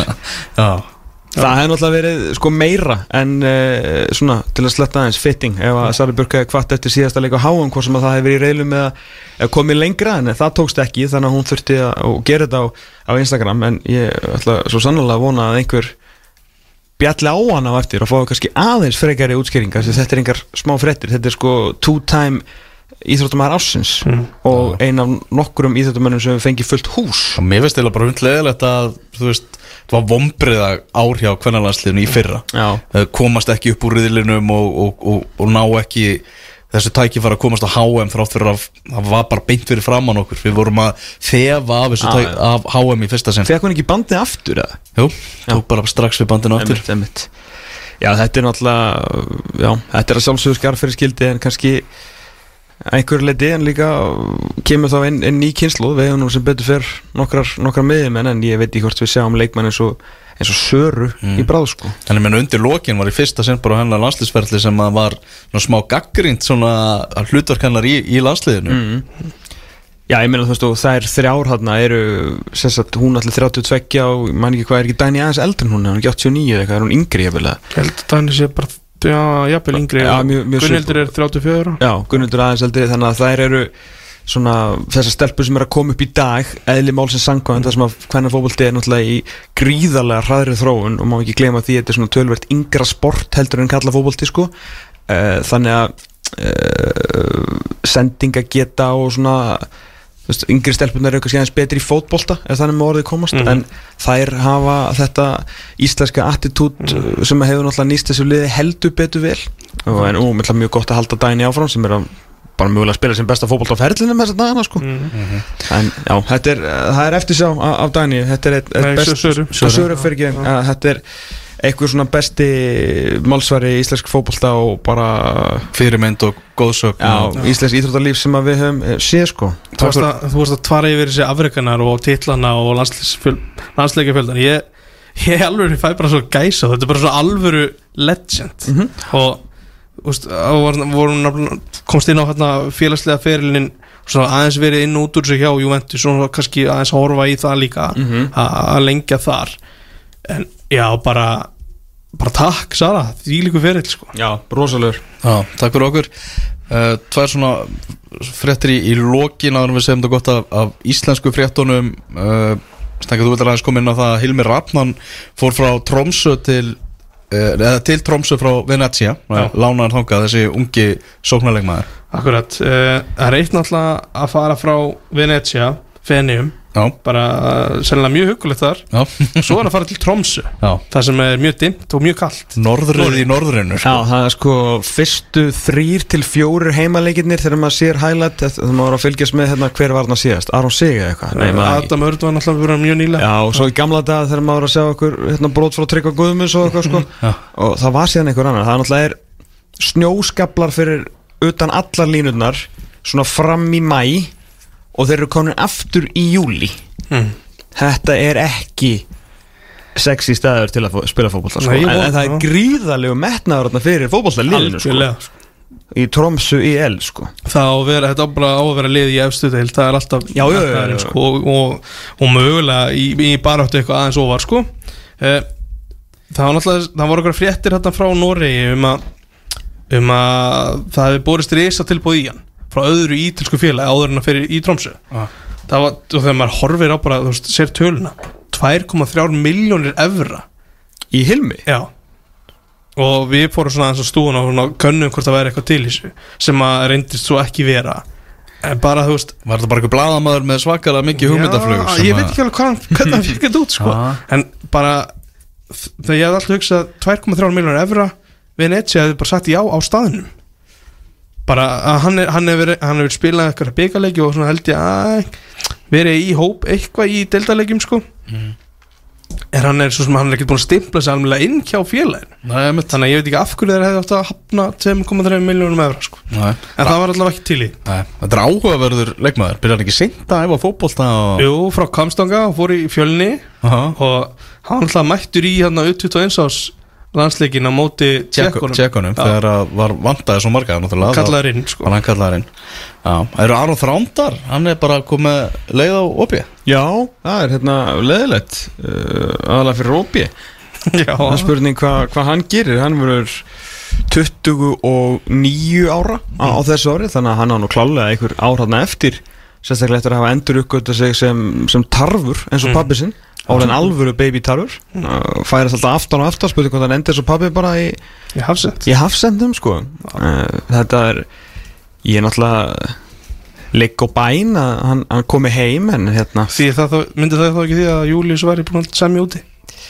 Jú, en svo leikir náttúrulega líka bæinn að hann fari ekki. Þannig að er svona maður vona En nei, ég, hérna, ég náttúrulega þekki Aron ágætlega og hérna, þykir afskaplega væntum hann fyrir það sem hann gerði fyrir okkur á sínum tíma og náttúrulega uh, og pappas náttúrulega þjálfað mig eins og alla aðra sem að hafa mm. snert fótbolta í vikinni síðan svona 1985 sko þannig að uh, það sem finnst eiginlega merkilegast við hann af því að ef það var eitt sem að það var eitt hlutur sem að fór í töðunar okkur við Aron Ellis þegar hann var að spila um vikingur sínum tíma að hann kannski ekki, þetta var ekki mesti naglin það þurfti ekki mikið til þess að hann svona væri frá vegna meðsla og þetta gæti alveg gert okkur gráhærða en svo náttúrulega þegar hann spilaði og glemdi þetta allt því hann var náttúrulega bestur á Íslandi hann yfir svona í mm stuttan periódu en hann var alveg magnaður. Munaður Kristján Guðmundsson sagði bara öðru fólki að mæta á vikisleik til þess eins að horfa á hann. Algjörlega. En það sem ég hef verið mest svona stoltastur af við hann og finnst svona mest impressivt er þetta harkans Já, ég verða viðkynna, ég held þetta ég sá það léttilega fyrir mér að hann yrði, eins og margir aðrir ungir íslenski fótballtamenn að það var smá harbakki hérna, smá veggur í Álasundi, myndi bara koma heim ekkert eðlilega þægild að koma aftur heim bara í Viking þess að væri kortið kongurinn hann hefur bara farið í gegnum allt saman og svo þegar þetta álasumstæmi á búið þá fór hann til OP, hann er búin að inn og út úr liðinu þar vera í hæstu hæðum í undanúslutum með úslutum byggars og, og hérna staðið sér frábæla leikmaður vikunar og mánaðar eins og nú komur annar veggur, bara sængin virðist þeirra uppreitt þarna hann var hvað bestur fyrir hlutan 2021-2022 já, Já. að veist og, bestur í lið og eftir að hafa sko verið einhverju smábræð og líka Mm, með og koma aftur til meðsli og þetta, þetta, þetta gritt og grift í hann ég, hef verið ánægð með hann sko. Hann kemur ekkert orð að hann finnir sér bara hann lið og takið þrjú ári viðbútt sko. Já, þetta hefur leiðið svolítið fyrir hann fór í viðtal í oktober þar sem hann var búin að vera svolítið út í kuldanum og, og ég held að hafi mögulega verið eftir að hann skoraði eitthvað bara þvílitt mikilvægt sigur marka á móti Midtjylland í lokleiks mm. þá sagði hann bara reynilega að hann væri ósátt við nokkra hluti á félaginu meðal annars spil tíma sinn og, og, og kom inn á einhverja vir, eitthvað virðingu gagvart sér. Og þannig að þetta er svo sem ekki þetta er ekki ferskustu tíð núna hann sé þetta sé að Nei, rifja nei. upp.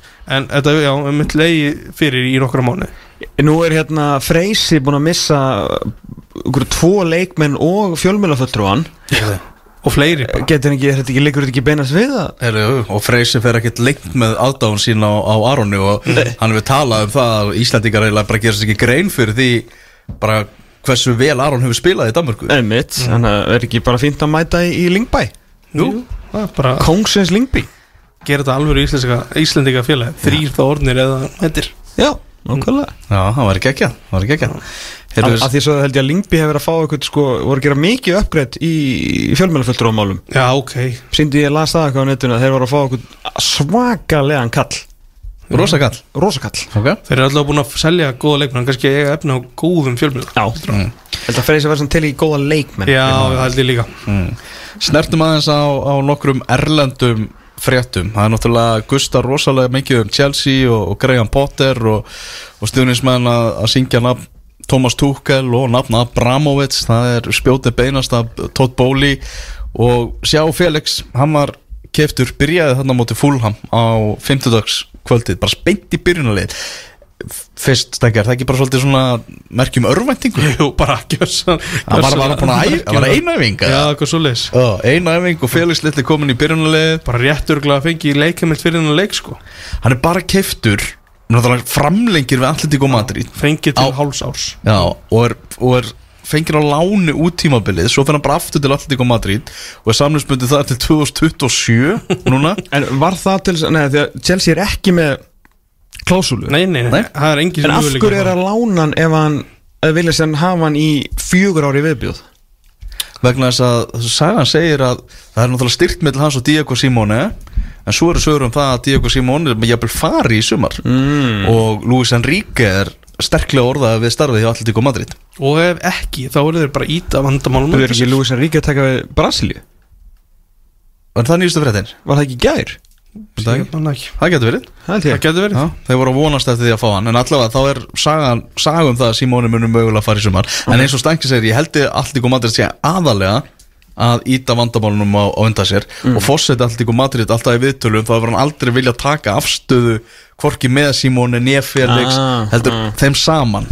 Þannig að ég held að það sé eða málið. En hann byrjar á því að fara í þessa tæklingu fara raukt spjald Chelsea manni færri tapar fyrir Fulham og auðvelt að segja það en ég held að þeir hefur aldrei tapað eins og leik ef að Felix hefði ekki farið í þessa grottaralegu tæklingu og látið reka svo út af. Hann er á leiðin í þryggja leikja bann núna. Sem hvað er þeir að borga fyrir hann á þenn tíma? Þetta er þrýr leikir af þú veist, hvað, 20 sem hann getur spilað eða 19 eða eitthvað. Hérna, er ég var að hérna lýsa um daginn og þá kom upp í, í háleik hjá okkur eins og alltaf hérna lengjuskiltið með, með stölunum og nú veðja ég ekki á fótballtalegi uh, eða ekki neitt, ég bara er engin, engin veðjari uh, ef ég væri if I were a betting man Mm. og ég veit, þetta er ekki því ég saði þetta þú veist, við strákana í, í minnstjórn þegar þetta, ég fór hérna í, í setni pásunni í hálfleiknum, ef ég myndi eitthvað tíma að leggja peninguleik, þá myndi ég setja fúlam sigur hana Mm. veitinni hvernig fúlam hefur spilað? Veitinni hvar og hvernig að, á þeim tímpúndi verið ég að viðkjanna, ég var búin að gleyma er ekki með. Uh, þannig ég hefði kannski dreigað tilbaka en síðan á endanum skiptaði einhver máli að ég veit hva, hvernig fúlam vil spila í hverju eru góður, í hverju Chelsea eru hróttalega lélegi núna og hvernig það er bara að mæta og kreifin cottage í dag. Því að í gegnum mín 30 ára fylgjast með þessari Premier League þá hefur kreifin cottage ekki verið svona svona það hefur engin óttast að fara undir the lights á kreifin cottage. Nei. Nema kannski þú veist þegar hérna, Papa Búba og Bó Marti og svona voru eitthvað á, á miðinu og Heiðar Helgursson fram með að ruslaði mönnum Þetta er meira svona bara krútlegur völlur sem er gaman að koma á Já, og svo vinnur, þú veist, útiliðið ofta sko eða ná allan mjög jafntefli. oft allavega En það er bara, þetta fúlamliðið er bara hrikalega vel skiplat, vel mannað, þú veist, við erum að sjá það núna, Markus Silvi er búin að gera frábær hluti og þeir eru bara með eh, einkenni, eh, leikstíl, attitút og allt sem hann Chelsea er ekki með í dag. Þráttur að hópurinn hjá Chelsea kostur örugglega svona 20 sinni meira heldur en fúlam, fannst mér, komur ekkert á óvart að Chelsea hefði tapað þessu leikir, ekki neitt. Ef Graham Potter er veist hvernig það er að ráða? Hver er tilbúin að koma einhvern veginn í þessa úlgu sem er í gangi þetta? Ég fór bara að hugsa bara, hérna Marko Silva. Þú veist, var það ekki bara að geða þetta eitthvað Chelsea-legt? Mm. Þú veist, fólum að overachieva alveg svakalega, Marko Silva sýnt með einhverju tveimur, þreimur liðum, hann kann að byggja eitthvað upp. Veist, why not? Já, ég held að En hitting, er það alveg off? Ég var alltaf þess að Hvað er hann hérna, Ég veit ekki hvað hann er svo gaman Amrabat, nei, ah, Ariel Sjálf, Afran Grant. Áran Grant, Já, hvað er hann að gera? ég bara, það er- góð spurning. Já. Er hann fekk eitthvað landslið held ég. Minna þau segir það. Herru, svo er náttúrulega maður mögulega losna líka, er ekki, hérna, er ekki Mourinho búinn hjá Róma, það er ekki allt farið Nei, það er ekkert ekkert að fyrir Róma Það er hérna-. Er það tókuð Sambíu af framkvæmt? Geggjaður. undar hérna, unnum Afrikukefnina bara fyrir ekki það mörgum árum með hann að ógeðslega fallega þjálfaran hjá Saudi Arabíu Harvey. Runni Harvey Heldur að Graham Potter fá samt ekki meiri tíma? Það getur ekki hann að vera, en tekkið þess að á þessu. Hérna, þetta eru kaupin hjá Chelsea fyrir þetta tímbil Vesli Fofana, 70 miljonir, getur ekki haldist heil Og keftan raunur eftir alvarlega meðsli Mark Kukureya var búin að spila svona 20 leiki fyrir Brighton 56 miljonir punta á þessu nokkuð maður vissi í raun og veru hvort hann var eitthvað frábær. Eh, Og 56 miljonir sko. Rosa Þetta er rosalega mikið peningur per leik í Premier League. En ætlaði ekki ítt svolítið upp að City vildi fá? Jú, klálega. Það er bara- það er bara hækkar smá verð með hann sko. Já, þú, neða, þú sitt í náttúrulega bara með kapp sko. Já, Eh, Skynsamir. og þeir voru ekki að fara í þetta. Rahim Störling 47,5 miljonir pund góðu leikmaður en klálega ekki þessir þurftu af því að eins og allir pöndur þeir eru búin að benda á sexinum í viku núna í hálft ár á vantaðum nýju já, uh, Khalidou Koulibaly engin þóraða snertan fyrir í, í ár, hvað er hann gammal? En ekki, hann er eitthvað rétt í 30 þegar ekki? Já frítur held ég. Búið að tala um hann geðið lengi en enginn keftan þeir taka hann á 30 byrjaði vel, uh, þetta er orðið eiginlega of mikið fyrir hann. Karin Tjóko Mekka, ætla ekki að setja út það. 20 miljonir, mikið framtíð flottustrákur uh, Ába, alltaf út úr korti bull það sko. Geta bara sendt hann tilbaka til Barcelona. Já. Uh, og svo núna hérna, jury still out náttúrulega á Benoit Badia Chile og, uh, Fofana. og, og João Felix Hann Sko- Fofana okkar. Er hann ekki að vera að spila hann? Davíð er Fofana hann já frá, frá Molde. Já. uh, bara veist að ég bara Nei, veit nei, ekki nei, sko. nei, það skiptir ekki öllu. Herru, er hann íri? Er það? Ég veit ekki. Þú veist með íst ríkisfang sko. Ah. Já. Nei, nei, nei, nei, nei, Kem- kemur frá Noregi? Nei, sorry, hann er hérna Ég var að lesa Nó- Þetta var- þetta var svo lítið letur hérna að Hann er sérst uh, Ivory Coast. Ah. Sorry. Já, Þetta er fánu snýraðin við. Herri, ok, hérna Það sem ég ætla að segja Með, og með sjá Felix Því voru að tala um hann að starta hann leik Örvendík og allt það Uh, Segjum að Tökum bara hinpólinn, hann fór allaleg til vinstri Í rautspjald í fyrsta leik. Ef hann er fyrir allaleg til hægri og skora þrennu Þá hann verið næst markaðasti leikmaður Chelsea í Premier League. Akkurat, og eftir störling á eftir, já, eftir stöling sem er fjögur. Þannig, og, og Kai Havertz, þessu byrjandi báða með Já. þannig að að hann byrjaði kom ekkert óvart sko. það þurfti að nei. frískalega verulega upp á þetta. En þessi meðslalisti hjá Chelsea er svakalur og hvernig ætlar að dæma Graham Potter með einhverja átta byrjunulismenn heimsklassa leikmenn mitta já.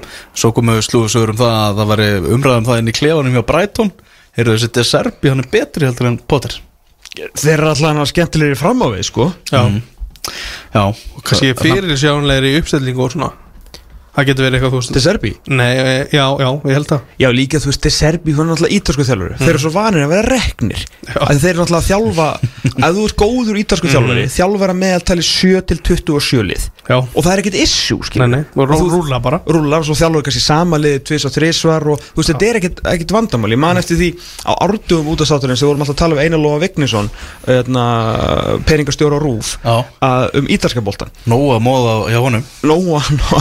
Til en þessa dagana sérstaklega HM og hérna, HM í beitt að þá, mástu, það gerðist eitthvað við erum búin að vera út á það svo lengi að það var bara eitthvað, þú veist, Fabio Capello eða eitthvað var að fara frá Juventus í AC Milan aftur eða þetta var eitthvað svona reisastórt og við vorum bara, hvernig getur þetta gest og einlóði sagði við okkur sko bara nei þeir ekki að skilja og Ítalíu er þetta ekkert issue. Þú veist, Roberto Baggio spilaði með AC Milan, Juventus og Inter. Þú veist, það er allum sama. Þú veist, þetta er bara, svona er þetta, það er bara, er bara, bara að spila fótbolta, það er Já, skilur akkurat. Uh, þess vegna alltaf, þú veist, eru þeir bara þess vegna Roberto Serbi, þú veist, Graham Potter var alltaf svo mikið einhverju uppbyggingafasa, alltaf svona að passa sig eitthvað, svo er hann bara búin að byggja hann geða eitthvað grunn, þá kemur til Serbi og bara, herru, ef ekki bara fara að á eitthvað? Ef hann verður reikið, hann verður bara reikið hann verður bara heim og þjálfur á Atalanta. Þetta er ekkit issue. Það var kannski svona smá aðeins búin að taka hampri svona af breytanleginu þess að skilja leikmennir þarna í kljóðunum fíla Ég er að, ég er að fíla De Serbi svakalega Svakalega töffari á, á hliðalínu Já, flottur sko. Ah, Líka þessi byrjun var svo ógæslega erfið maður bara, herru, reyðu þeir eitthvað trúð Nei, nei, það er bara geggjað þjálfari. Er Vátt Vekost mætir til Manchester United. Enn og aftur er svona Manchester United að fá bráðabyrðarlaust í, í fremstu viglinu Við erum með Ratamel Falcao, Zlatan, Ikalo, Edinson Cavani og svo má við setja Cristiano Ronaldo líka í þennan flokk. Henka Larsson, Já, Henke Larsson. Það er bara hefnaðist mjög vel Já, á sín tíma. Uh, Sko United menn eru mjög ánægða þessa dagana. Og maður sér endalist og svona tölfræði og veist, United Twitter síðan geta að pússa þessu og svona, það er eitthvað, þú veist tapa tveim af síðustu 20 þeir eru ósegraðir í síðustu 14 öllum keppnum. Svona mörg mörg skoru da da da, þú veist, og bara hérna og, og eðlilega, uh, Markus Rashford aldrei verið betri fullt af góðu hlutum að gerast hjá, United. besta leikmann í deildinni líka. Í Casemiro? Já. Já. Og svona einmitt eitthvað Hann kveikti. Uh, Þú veist, og mistum af hérna Hver annar ætti að vera. Ég er bara, þegar Gunni Birgis að hristi bara höfuðið í London sko. Já, þú sagði að hann var bestur í Já, United, sko. Já, í deildinni, já. Uh, hérna í deldinni og það er mitt núna þú veist á þessum fréttameilum eins og þú veist Atletic sem skrifa bara þú veist það sem þið vilja. Það er bara eitthvað þeir voru að pæla í einhverjum leikmanni svo komist þeir að því eftir Brentford að þeir þyrftu að fá okkur annan þyrftu að fá okkur varnatengilið og þá kom allt í nú Casemiro og allir eru geðu ekki snillingar og, og, og bara fair vissulega hafa verið að spila núna við ok, fúla múti, vitum við núna að það er sínt veðin ekki gefin, sko. Fúla múti, Forest heima, Ulfana úti og Bormóð heima, þú veist, þeir eru núna eiga City uh, og Arsenal í tveimur náttúrulega þremur. Fá kannski aðeins að sjá meir úr hverju gerir. En á sama tíma og gengur vel inn á velli núna hjá Eritin Hag og tökum ekkert af hún þetta er bara gengi vel, er að halda hreinu og fá allt og mikið að færum á sig. Að þessi vörn sérstaklega með Harry Maguire er ekki öflug. Mm -hmm. David Gea er að standa þessi ágætlega í að verja skotin þá þarf hann getur náttúrulega ekki komið út úr tegnum. Þá fáum við svona ábyrningu um hvert United er komið. Það er ástæða fyrir því að Vád Vekhorst með fullir virðingu fyrir honum er að mæta þarna það er að það er allt ennþá þú veist, það er ekki búið að slökkva í sinubrönnum sko. Einmitt, Þetta er endur staðar þú veist, það, er, það eru peninga vandamál þú veist, það, hann fær ekki fjár, fjármunni til þess að kaupa eitthvað leikmenn núna og, og keira á þetta veist, Tottenham er ekkit farnir sko. Liverpool er á, ok, þeir eru ekki góður en þeir get alltaf dottið á raun þetta Champions League sæti er ekkit læst. Nei, þá er þetta lesið að spila núna. en þeir er alltaf samt ekki að gefa honum einn góðan kall til þess að hjálpa honum aðna heldur hann að ná þessu og það er út af öllu bullinu sem við erum að tala um núna síðasta áratvíðin mm. Hollendingar, hollenski blaðamenn og Wesley Snyder og svona eru búin að vera undrast þetta að, að Vekost sé á leiðinni til, til Manchester United. Og ég sá okkur tölfræðan það. Það er þannig að sé með eitthvað 8 mörg fyrir Besiktas í deltina tímabilinu. Það er búin að klúra 13 uh, big chances bara stórum færum sko Já, hann var bara Það Darvin bara- Núnes sinns tíma á síðustu leitið Hann Já. var ofta að komast í ótrúlega færi og svo bara hitt hann ekki markið. Já, það var einhver uh, blaðamæri á BBC sem tók samt bara pólun á hæðina. Erik Den Haag, það verður allt einhvern veginn gengið upp hjá hann um hinga til hann veit hvað hann er að gera, þannig að hann veit ná og þekkir náttúrulega vátt veg og stalgjölu út í, út í gegn. Jú, jú. þannig að bara einhvern veginn, hann veit hvað hann er að gera. Það er svona bóllin sem hann, hann tekur sko, Mér finnst sæning eða ekkert eitthvað slæmt. Mér gæðin skora tvö mörgum út Argentínu í, hérna, á HM uh, En veist, hann er ekki að fara að falla fyrir aukaspinnu trikkinu aftur samt? Vissulega ekki En hérna veist, Presens í tegnum og gefum svona kannski aðra hluti uh, Þú veist, þú getur alveg skorað og náttúrulega líka bara í þessu Þetta snýst náttúrulega bara nummer 1, 2 og 3 um leikjaprógrami Mm. Þeir þurftu bara hérna skrokka inn á völlin Þetta, þetta eru nýju leikir á 32 dögum. Já, það er alveg á, það er á fjóri á tíu sko. Mhm. þetta er náttúrulega bara algjör þvæla. Það vantar þriðja kost fram á við þannig að hann er flott. Já, þannig að þú eitthvað, þurft að gera. Einmitt. Það er bara að því varst að nefna þetta með, með síðustu, síðasta árutíðin og þannig. Er það bara, er þetta þá stjórn félagsins bara, herru, við getum ekki farið hérna alveg tristunum 100% með leikmannumálinu og þannig? Ég, ég það bara, þú veist uh, þeir eru náttúrulega hérna sama tíma og Leifupúl eigendunir sem eru að fara mm. gá honum hérna hver og hvað er gjöfin Leifupúl, var ekki Leifupúl að kaupa fótboltakall? Jú, Já, Gagbo. Já, já, hvað er það? Ég bara held ég að vera að bulla þetta. Að meina þú veist að það er hérna Leifupúl fekk kveðugjöf frá, frá FSG Já. þú veist upp á okkur hérna, 30-40 miljonir pundar skilur notabene það var gæðin sem allir held að vera komið í United. Alveg því Erik Ten Hag var bara búin að tala um hann hverjum degi í hálft ár. Já. Að þá uh, finnst mér óleiklegt að Glazer ekki feðgar lengur, Glazer sinir sem að hafa lært af pappa sinum einum mesta skítæli sögu bandarinska fjármála og þetta er ekki persónlega skoðun, kynni ykkur bara söguna Já, já. að hérna efast um að þessi að fara að skilja eftir svona 40 miljónar punda kveðjugjöf. Já, já. e e e efast ekki um það, ég veit það við sjáum alveg að það er ekki að gera sko. En, byrju, en snýr þetta ekkert eitthvað af fair play reglum eða eitthvað?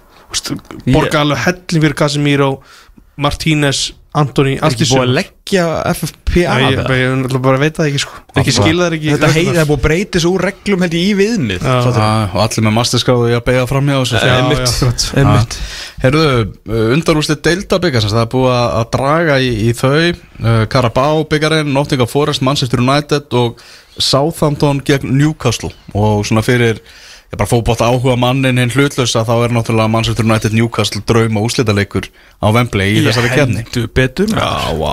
Alvör leikur. Já, Það er því Það verður solid 0-0 Og það fer í vító sko. Ég lofa Það ykkur. getur orðið. Það maður myndið mæta stálinn stinn sko. Ef United fer ekki gegnum Nottingham Forest á 180 mínútum og Forest án Dean Henderson og þá náttúrulega Þá þarf að jafnvel að skoða Den Hag Já, getur þetta sko hann sko. Ah. En trillt já, hérna Já, uh, Taka bara Geggjaðir. City 2-0 Bara- Easy fengi ekki á sér mark. Og Mjög samfærandi sko. Líka Nathan Jones hann sko vaggaði í, Af stælum upp í hérna Pultið á blamanum fundum fyrir þessa umferð. Bara, byrju hvað? Byrju hvað? Það er ekki geta raska Tinga til sko. Og Calvin Phillips á, á erfið þetta í gaggrinn eftir, eftir þennan leik. Herru, hvað er Þú veist, ég hérna stundum hitti maður, eitthvað svona naglan á höfu Ég sagði strax þetta er lélugustu félagskipti uh, boltan sko. Mm. Aðal út af því að Rodri spilar alla leiki. Rodri er svona 1,4 sinnum betri heldur en Callum Phillips sem er alveg mjög mikið. game of margin Já, skilur á svona háu leveli skipti það máli. Já. og hann er alltaf að vinna á anskotan alltaf Callum Phillips að gera í þessu liði. Já Það er alltaf að verka vinna hjá honum. Spurning hvort þeir hefði gjótt bara að halda að lafja í þessu hlutverki já, sem að Philips er, að- er í. Já þegar hann bara En þeir reynda fengu slata pening fyrir baka hann hann í, Mm. í vikunni. Sko. Spennandi leikmaður. Já.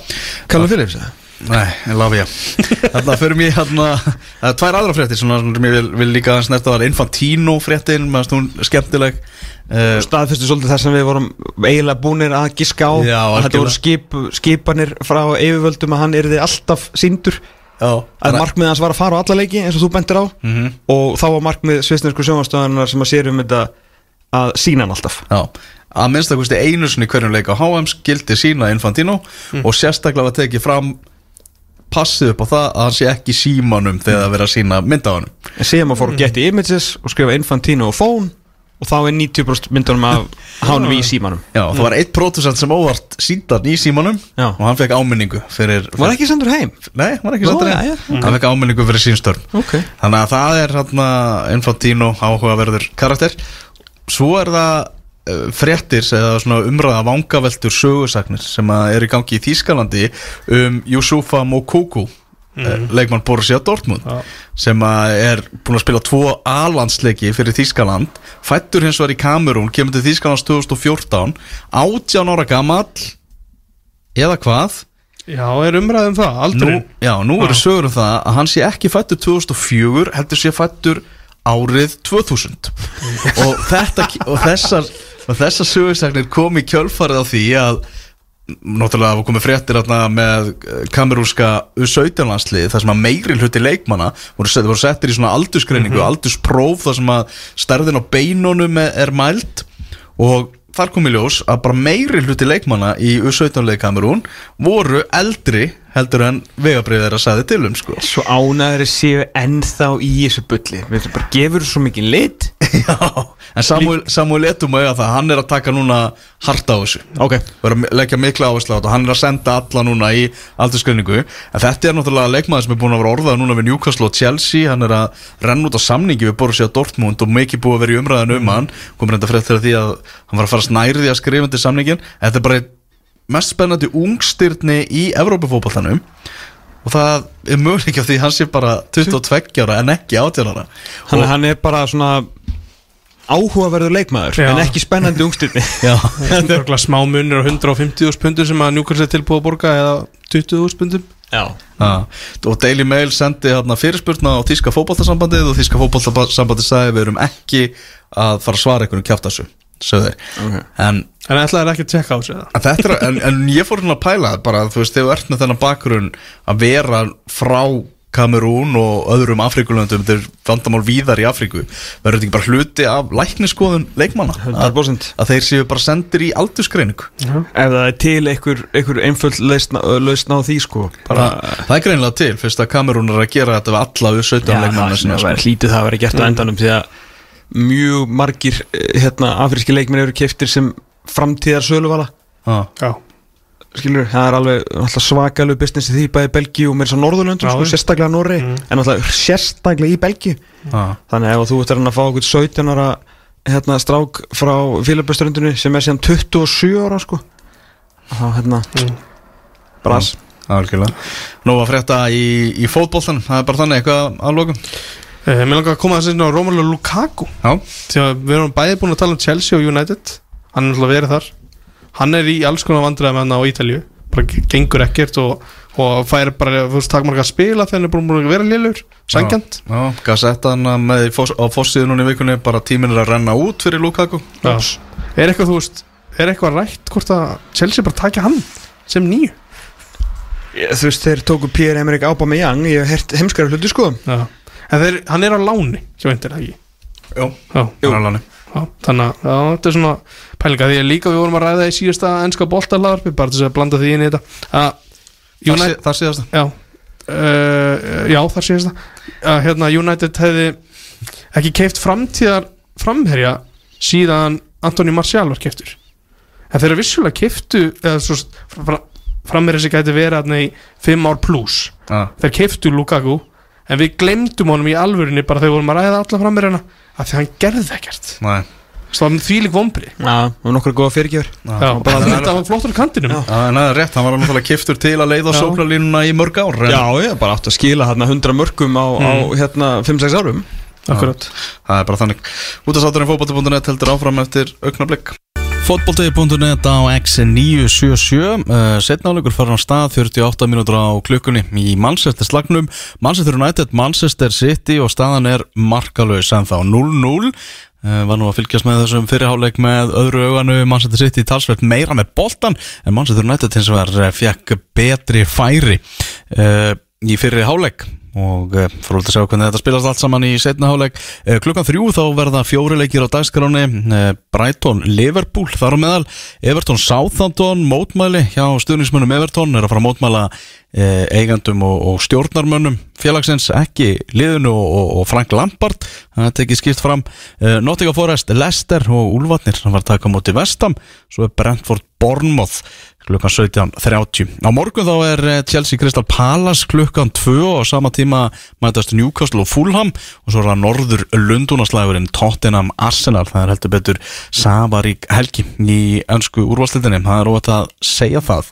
Nú uh, Loka tölur úr uh, æfingaleik eða þú leiki í þungaveiktar byggarnum þar sem að Háka og Breiðablik mættust í kórnum sagði frá því hérna í upphafið þáttar að Háka komst í 1-0 í leiknum en hins vegar vann Breiðablik á öndanum fjögur 1 sigur og færið einhverjum Patrik Jóhannesson sem að gekk í raðir Breiðabliks frá Keflæk hann skoraði tvö mörg í þeim leik. Blikarunu stjórnuna 5-1 um daginn og, og núna lögðu þeir Hákavinga fjögur 1 þannig að þeir eru að uh, lita vel út eins og, eins og oft áður núna í, í janúar mánuði nú uh, við rættum aðeins þarna þegar við vorum að fara í frétti vikunar, vikunar rættum aðeins um kórdrengi nýja fréttir af uh, því máli öllu saman því að FH uh, var í viðræðum um og hefur verið í viðræðum um að taka yfir lengjutöldarfélag kórdrengja og KSI er að býða eftir niðurstöðu þarna varðandi þessa viðræður.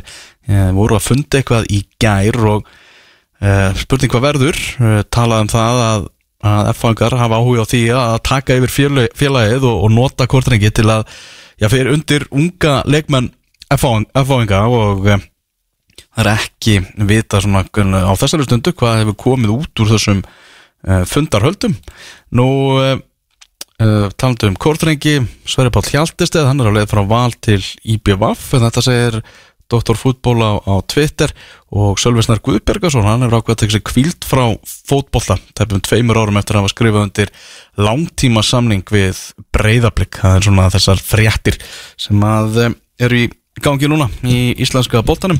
En ég held að við ætlum að fara bara að vinda okkur í handbolta hótið, ég ætla bara að heyra hérna í Henry Birgi, ég ætla að ringja til Svíþjóðar, svo hvort þetta gangi ekki allt saman hjá mér.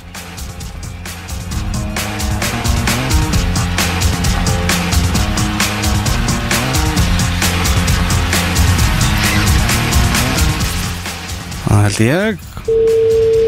Það ringir Það leikur í kvöld uh, á móti Ungverjalandi, hvorki meira nefnina Halló, halló Halló, halló. Það held ég, Henry Birkir, í beitni útsendingu frá Svíþjóð, hér á, á X977, hvað segir þú gott? Er það algjörlega frábært en finnsilegar? Herðu, ég segi alltaf gott Er, er einn í, fiskabúrinu sem stendur? Nú, kannan er ekki að vinna leikur það? Nei, það er ekkert með þannig Tóðan þykist vera að lýsa ykkur um Manchester slag hana, sem, er, sem er í gangi núna Já, já, já. Já, já, heyrðu, hvað, nú með hvað er þetta handbólta stórmót hjá þér? Herðu, eftir uh, langa talningu þá er þetta að vera nummer 16. 16, hvað var fyrsta mótið? Herðu, það var EM í Slóiníu 2004.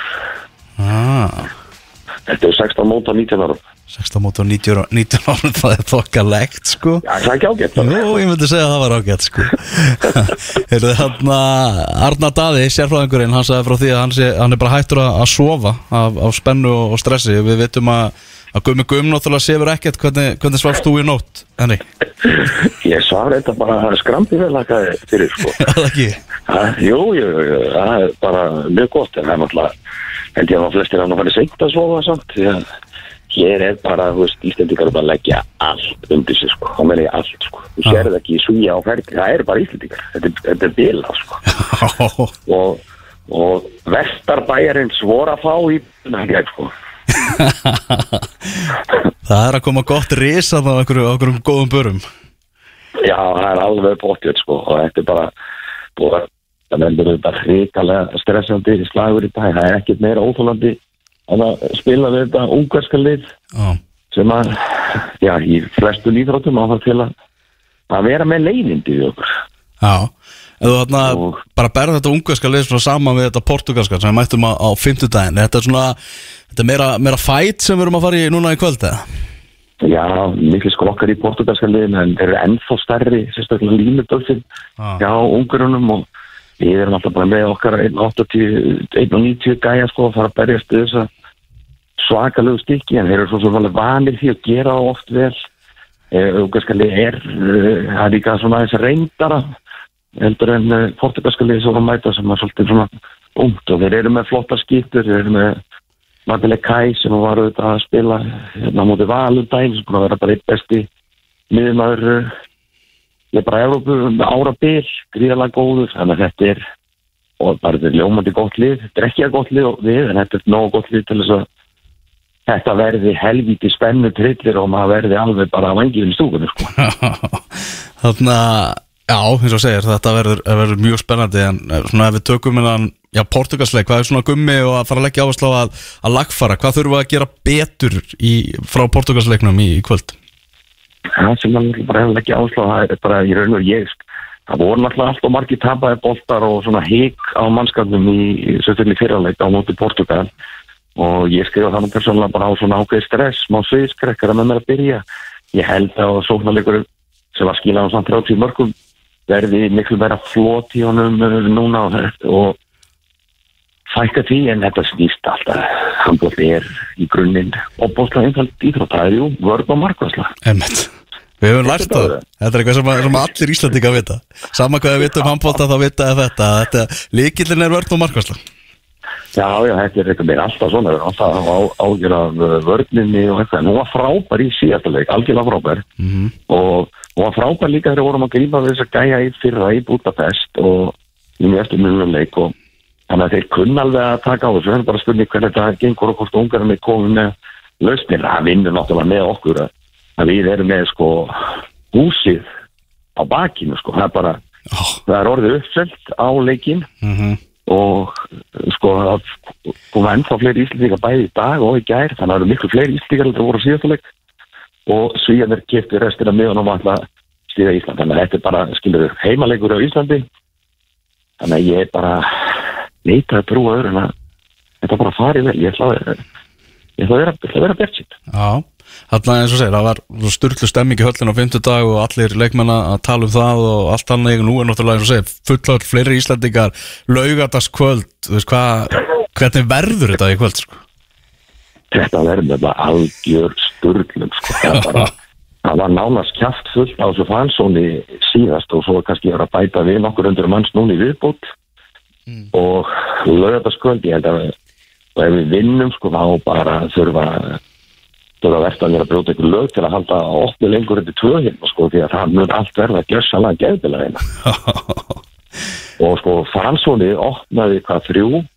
Það var náttúrulega alveg meira þar að það sko það voru menn mættir í röð.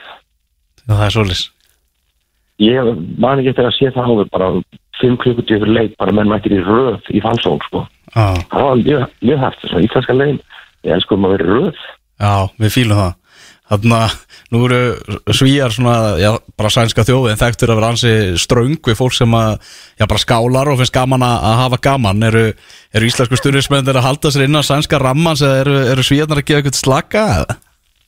Já, með gera aðeins að gefa slaka, það eru svona einhverju staðir búin að það að vera opni lengur og opna kannski fyrir því að það er ekki droslega margi staðir hérna. Nei, Þannig séðan, það er bara ófrávíkjala regla bara klukkan 02.00 að þá er bara ítt og oftaka og, og enginn væri drópa sko, mm, alveg sama hvað það er, en eh, það er hérna eiginlega stærsti staður en að og það var minn maður Haraldur Þorvarason eh, og rætti við vertan á honum og sérkan til þess að hafa bara til tvö já, allan dag ég, ég kalla með eiganda staður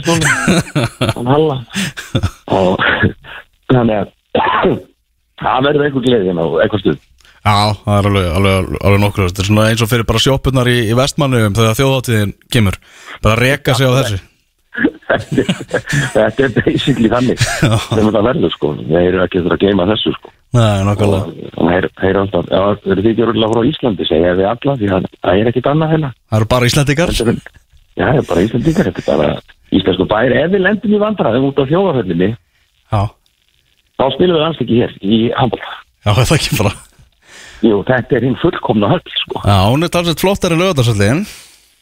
talskóntari og veist, með að við fimmum úr höll þá er hönnun á henni frábær. Það er ekki til vondsæti Mhm. með griði effekt og við þurfum að byggja í þessum stíl. En ef okkur verið hent út á meðan við verðum að byggja. Þá ætla ég að leggja það til að við spilum hér. Hér er, sko, hér er, er mikil Íslands stemning og tenging þannig að sko, þeir myndu örgulega vilja fá okkur og lega okkur að spila og stíða okkur. Já, þannig að ég kom með löstina, ekki í Danmark eða þær eru að spila hér eða já. hér allir skrúna En svo getur það náttúrulega líka gert bara eins og færi einhvern sem að fengu bara að lána bara eitthvað teikninga frá Noregi fyrir sinni þjóðarhöll. Bara fundu bara eitthvað, er þetta er höllin sem við viljum og fengu bara teikningarnar og svo bara byrjaði að byggja. Já, og bara mæti með teikningarnar heim Já, það er, það er pressa á mörgum áttum ég gera það, ég held ég verið að standa undir þeirri pressu. Já, nokkarlega Þannig að Bjarki Már Elísson, góðvinnur þáttarins, hann þarna var valið náttúrulega maður leiksins í, í síðasta leik. Öskraði þarna á þennan kostakrakka sem að ja, ga, gat nú aðeins minna heldur var, umtalið var alltaf fyrir leik. Þannig að fekk Bjarki skammir í hattin frá, frá Gumma, er þetta? Ég held að Gumma hefur verið skýt sama, sko. Já, Það var einhverju fjölmjöla að velta sér upp úr þessu en það er eitthvað lélegt og svona. Hann uh, svaraði, hérna, í einhverju fjölmjölu sá ég að hérna, þetta er bara mist sig og, og krakkin hefði eitthvað gefa honum illt auga og, og eitthvað verið búin að tóka í hann áður að hann var að svara fyrir sig. já, og þetta var bara meira moment við að bjarga sig slett saman og Gunni leikur er vannst nokkarlega hefði urðlast sko, urðlast því að var reikin að velli þetta hefði haft einhver áhrif á loka niðurst en það var bjargi bara farin heim sko. Já, líka ef hann hefði bara reikið Bjarka velli en ekki hann kostakrakka hann sko. já, sem gerði ekki neitt Nei, Þannig að Og mér finn- endur bara tveimur á haus hann já, já, okkur ekki Já, en ef við vinnum í kvöld ef við bara þá kemur þessi kórejuleikur sem við bara, bara vinnum uh, já, menn það opnast bara hálfportin bara, getur ekki sagt bara rennibraut nánast í áttaliða úslitir, getur við farið það langt fram úr okkur eða? já, það er alveg hægt að prjóna þannig yfir sig. Er, það er bara málið. Við- þegar við vinnum í kvöld þá, veist, minna uh, grænur er, er aldrei fyrir staða og þá er í raun og veru dugar okkur að vinna Brasilíu til þess að vera komið í áttalagústild já, einmitt.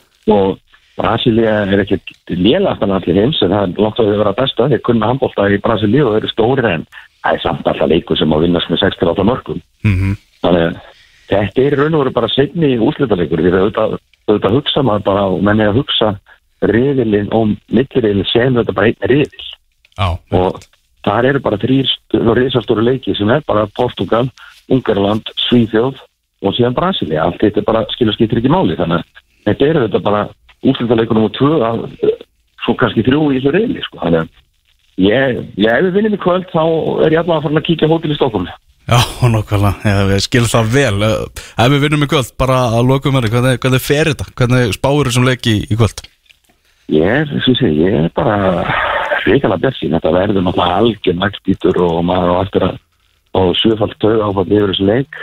En það sem að hefur heitla með þetta lið, ekki nú bara hennar síðustu missurum og fyrra á heiti fyrra, er andlegu styrkur liðsins, það brotnar helst ekki. Og ég spáði andlegu styrkurinn eh, fleitið áfram og við vinnum með tveimur 28-26. Lítið skora þannig sér. 28-26, ég samþykki það, ég er klárið Já, stöðum það. Heldur betur, ég segi bara 1, 2 og, og 7 uh, Bestu kveðjur til Svíþjóðar og, og byrða að heilsa mínu fólki þarna Ég, ég skila því þeim gaman að þeirri Söfulegis, bye bye.